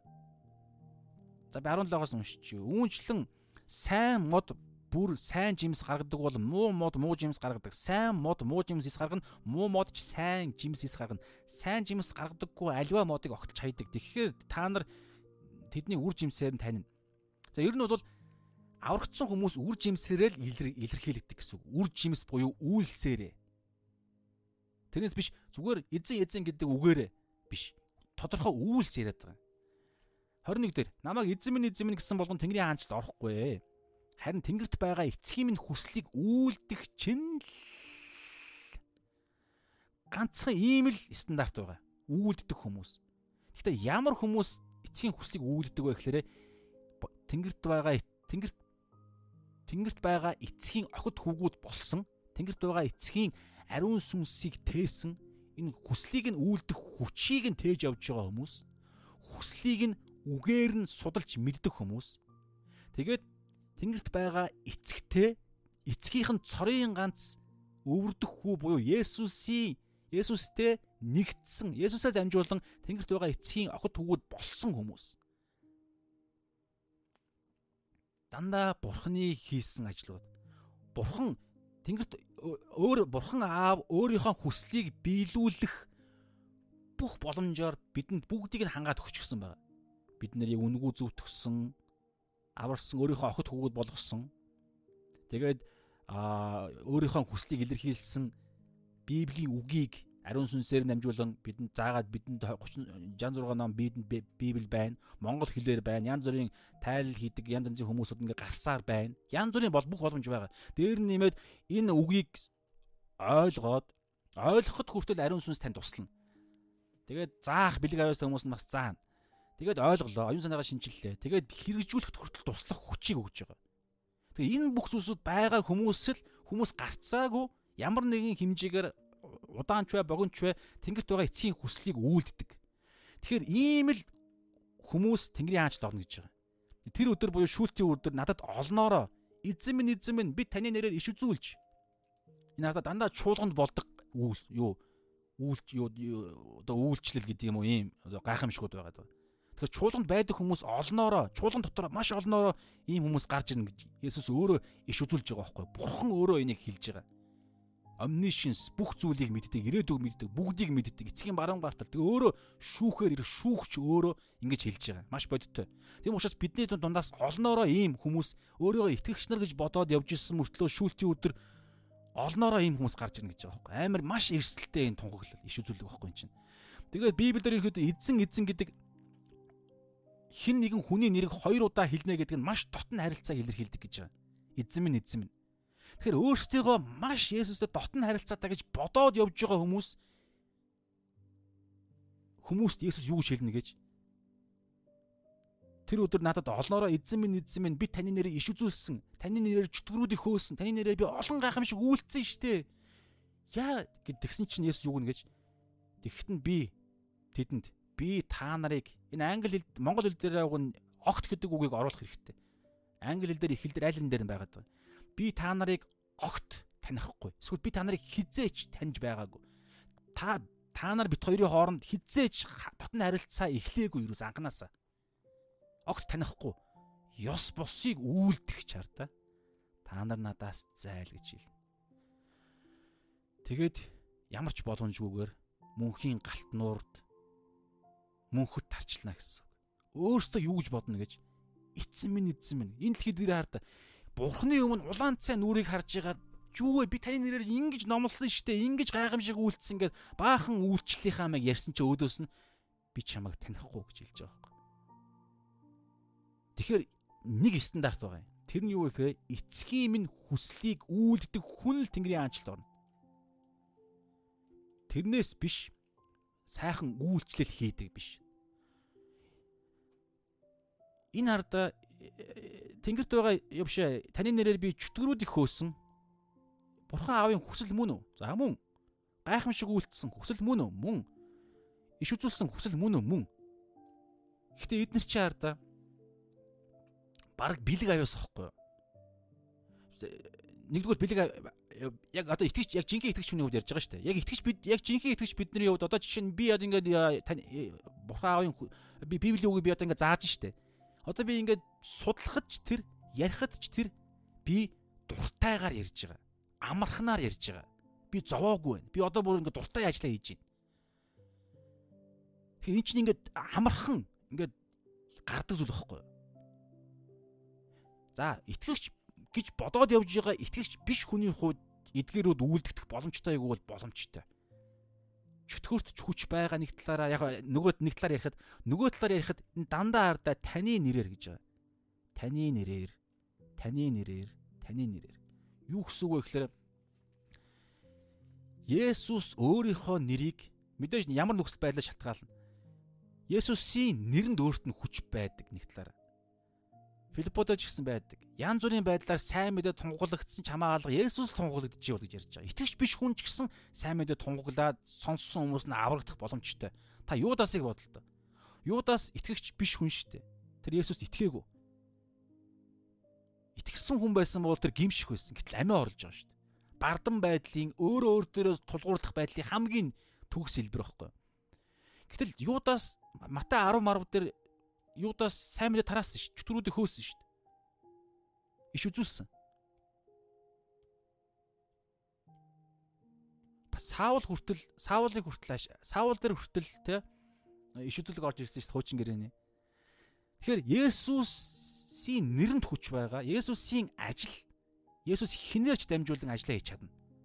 Харин тухайн хүн нь өөрөө Есүстэй нэгдсэн хүн үү гэдэг дээр эдгээр зүйлсүүд ярихдаггүй байхгүй юу? Ярихдаггүй гэхээр эцгийн хүслийн дагуу амьдрч байна уу буюу зөвхөн цуглаан дээр биш зөвхөн Есүсийн нэрийг Есүсийн би Есүсийн хүн байна гэд эндэр дээр эсвэл гудамжинд Есүсийн нэрийг зүгээд загламайгаа зүгээд хийдэг зүйлсүүд өөр байхгүй. Энэ стандарт биш.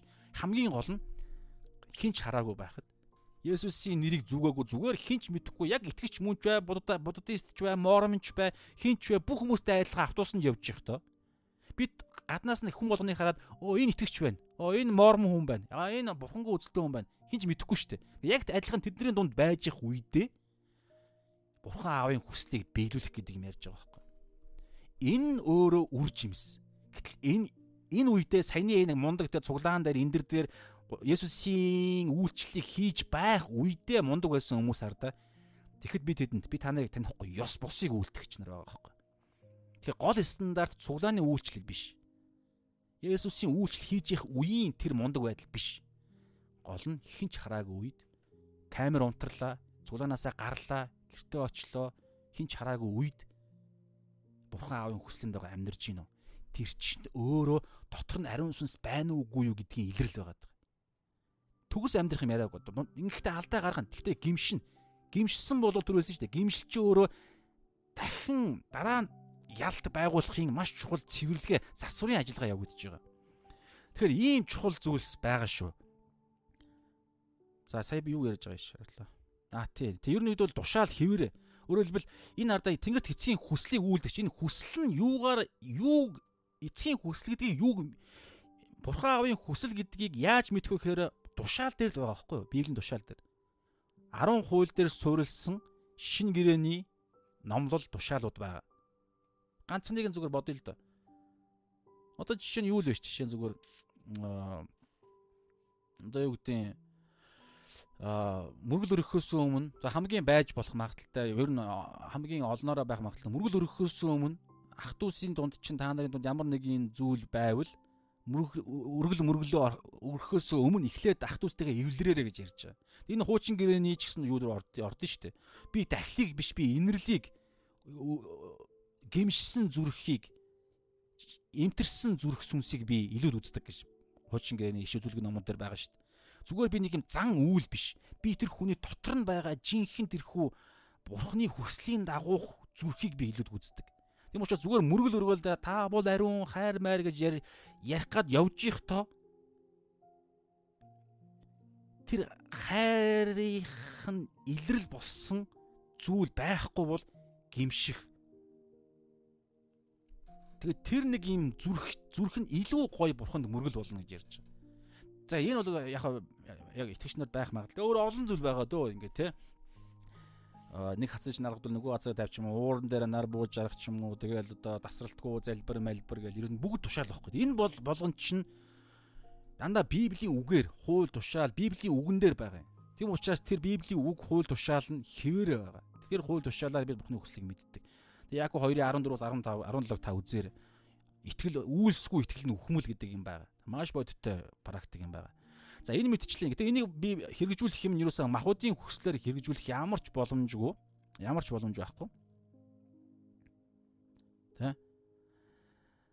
Тийм учраас махуудын ариун сүнсээр махуудын хүслүүдийг өхүүлэх арга замаар бид биелүүлдэг. Ром 6-гийн 19 дээр болохоор би та нарын бие сул тороод бол би та нарт зөвлөё. Биеийнхээ эргэтнүүдийг зөвхт байдлын боол болгож өргөөрэй гэж байгаа. Ром 12-ийн 1 дээр болохоор амьд ариун тахил болгон өөрийнхөө биеийн эргэтнүүдэд өргөөрэй гэж. Тахил болгон өрг гэж байгаа. Хуйгуула өөрийн эрх ашигаа өхүүлэх юм ярьж байгаа. Боол гэдэг чинь эзнийхээ эрх ашиг нэгдүгээр тавиад өөрийнхөө эрх ашиг өхүүлдэг ийм хүн штэ.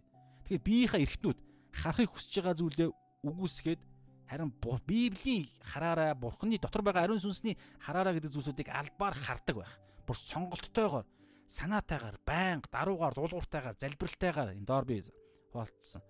Эдгээр хэрэгжүүлт байгаа маш санаатаагаар бүр зориудаар бүр ингэж бүр бичээ те за би өнөөдөр тэгн ийм зүйлийг харна ийм зүйлийг хийн тэр нь библийн даах зүйлсүүдийг ийм албаар хийж иж нөгөө биеийн эрхтнүүдийн нөгөө муухай юм хийхийг хүсэж байгаа зүйлсүүдийг үхүүлдэг. Тэгэхээр бурхны ариун сүнсний зүйлсийг хийвэл ариун сүнс өөрөө тэр бидний биеийн эрхтээ цаана байгаа нүглийн болон хуулийн хүчийг ариун сүнс нь ялдаг. Бид нар биш. Тэгэхээр бид альны талд орох вэ гэдэг нь бид маш бодиттой биеийнхаа эрхтнүүдэрээ хийх зүйлсүүдээ маш тодорхой оюун санаатайгаар санаатайгаар бид шийдэх хэрэгтэй. Дахил болгох. Дахил гэдэг чинь өөрөө дахлын ширэн дээр байгаа юм үхэх үхэх гэдэг ойлголт. Тэгэхээр бидний биеийн эрхтнүүдэд байх ёсгүй хүслүүдээ өхүүлэх гэж ярьж байгаа. Тэрнээс биш нүдээ ухаж авах ойлголт ярьдаггүй. Гараа дастах ойлголт ярьдаггүй. Тэр гарын гарын хийхийг хийх ёсгүй зүйлсүүдийг хийхийг хүсэж байгаа тэр хүслээ өхүүлэхээр гар ингээд гар нүд биеийн эрхтнүүд ингээд нэг юм зовдөг. Би энэ хүнийг ингэчмээр байна. Би ийм зүйлийг үзмээр байна гэж байгаа зүйлийг ингээ өхүүлэхээр энэ ингээд зовно. Тэрийг зовх зовж байгаа нь өөрөө дахил болж шатж байгаа процесс. Эсвэл би боол би өглөө босмоор гоо гэсэн чи эзэн ой доржоо босоод үнээгээ саа гэдгсэн чинь би босмооргүй байна гэх юм бол дашуурын хамт лав шүү дээ. Эсвэл хоолгүй онд ч юм уу. Тэгэхээр би хүслээ өхүүлээ тэрийг хийнэ гэсэн. Тэр ийм байдлаар маш бодиттой өхүүлэх юм ярьж байгаа шүү. За дүгнээд өндөрлөе. За тэгэхээр ерөнхийдөө бол одоо баг 3 цаг явчих шиг боллоо. За яах вэ? Яригдах хэвээр зүйл яригдсан байх гэж бодож байна. Та тэгээд хамт байгаа хүмүүс байгаа бол үнэхээр эзэн тантай хамт байсан талархъя. За дүгнэхэд Ром 8 дугаар бүлэг бол маш чухал ариусгалын ариусгал гэдэг энэ 6 7 8 гэдэг гурван бүлгийн бүр хамгийн оргил хэсэг өргөлттэй хэсэг. Тэ? Тэгээд энэ хэсэг нь одоо бол ариун сүнсний хүчээр Есүсийн дотор Бурхан Аавын удирдлага зорилгын дагуу бид ялалтын амьдралаар амьдрах боломжтой. Есүсийн дотор л бүх зүйл хийгддэг. Есүсийн дотор дандаа Есүс шүү юусе бүх зүйл Есүсийн дотор. Есүсийн дотор Бурхан Аавын охид хүүгүүд болж бид зөвтгөгдсөн зөв суурин дээр суулгагдсан. Есүсийн дотор тэр суурин дээр ариун сүнсний хүчээр шин хүн ингээд чөлөөлөлт ариусгалын амьдрал эхэлдэг.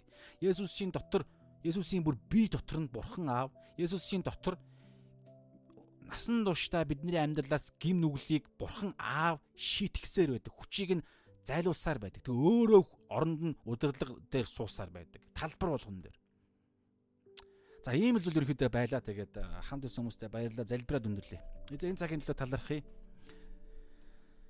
Ярьж байгаа миний хувьд бол үнэхээр гоё цаг байлаа. Бас ингээд яринга давхар бас өөрөө ойлгож ухаасан зүйлээ бүр баталгаажсан учраас лавл би өөрийнхөө зүгээс үнэхээр тань талархаж байна. Хамт байгаа ямар ч тооны хинч байсан тэр нэгнийг та энэ цагаар дамжуулан өөрийнхөө хим химжээ тавлсан цаг арга замаар та тэр хүнтэй ажиллахад та дорой миний намайг ашигласан энэ цагийг ашигласан таньд талархаж байна. Тэгээд та үргэлжлүүлэн хамт байгаараа ямар нэгэн байдлаар аа энэ цаг руу дараа дараагийн цаг руу довтлох цаг завгүй байх эсвэл техник техникийн ч юм уу янз бүрийн байдлаар эрүүл мэндийн ч юм уу товтлогоо хийхээс та хамгаалаач гэж таньдаа бид даатгаж байна.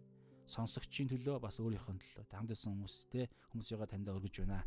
Есүсийн нэрээр танд бүх алдар магтаал нь байх болтугай амин. За хамтдсан хүмүүстэй баярлалаа, баярлалаа, баярлалаа. За тэгээд коммент байвал хараа тэгээ өндөрлөё. За за за за. Ашгүй ашгүй байхгүй. Таван хүн хамт байна гэж зааж шүү. Мундаг мундаг таван хүмүүстэй баярлаа. Таван талд үйлчлэгдэх шиг таван хатгсан даван гар шиг хүмүүс байна да. За тэгээ сайхан амраарай. Дараагийн цагаар дахин уулзлаа баяртай. 3 дахь өдрийн өглөөний цагаараас уулзах байхаа тий. За сайхан амраарай.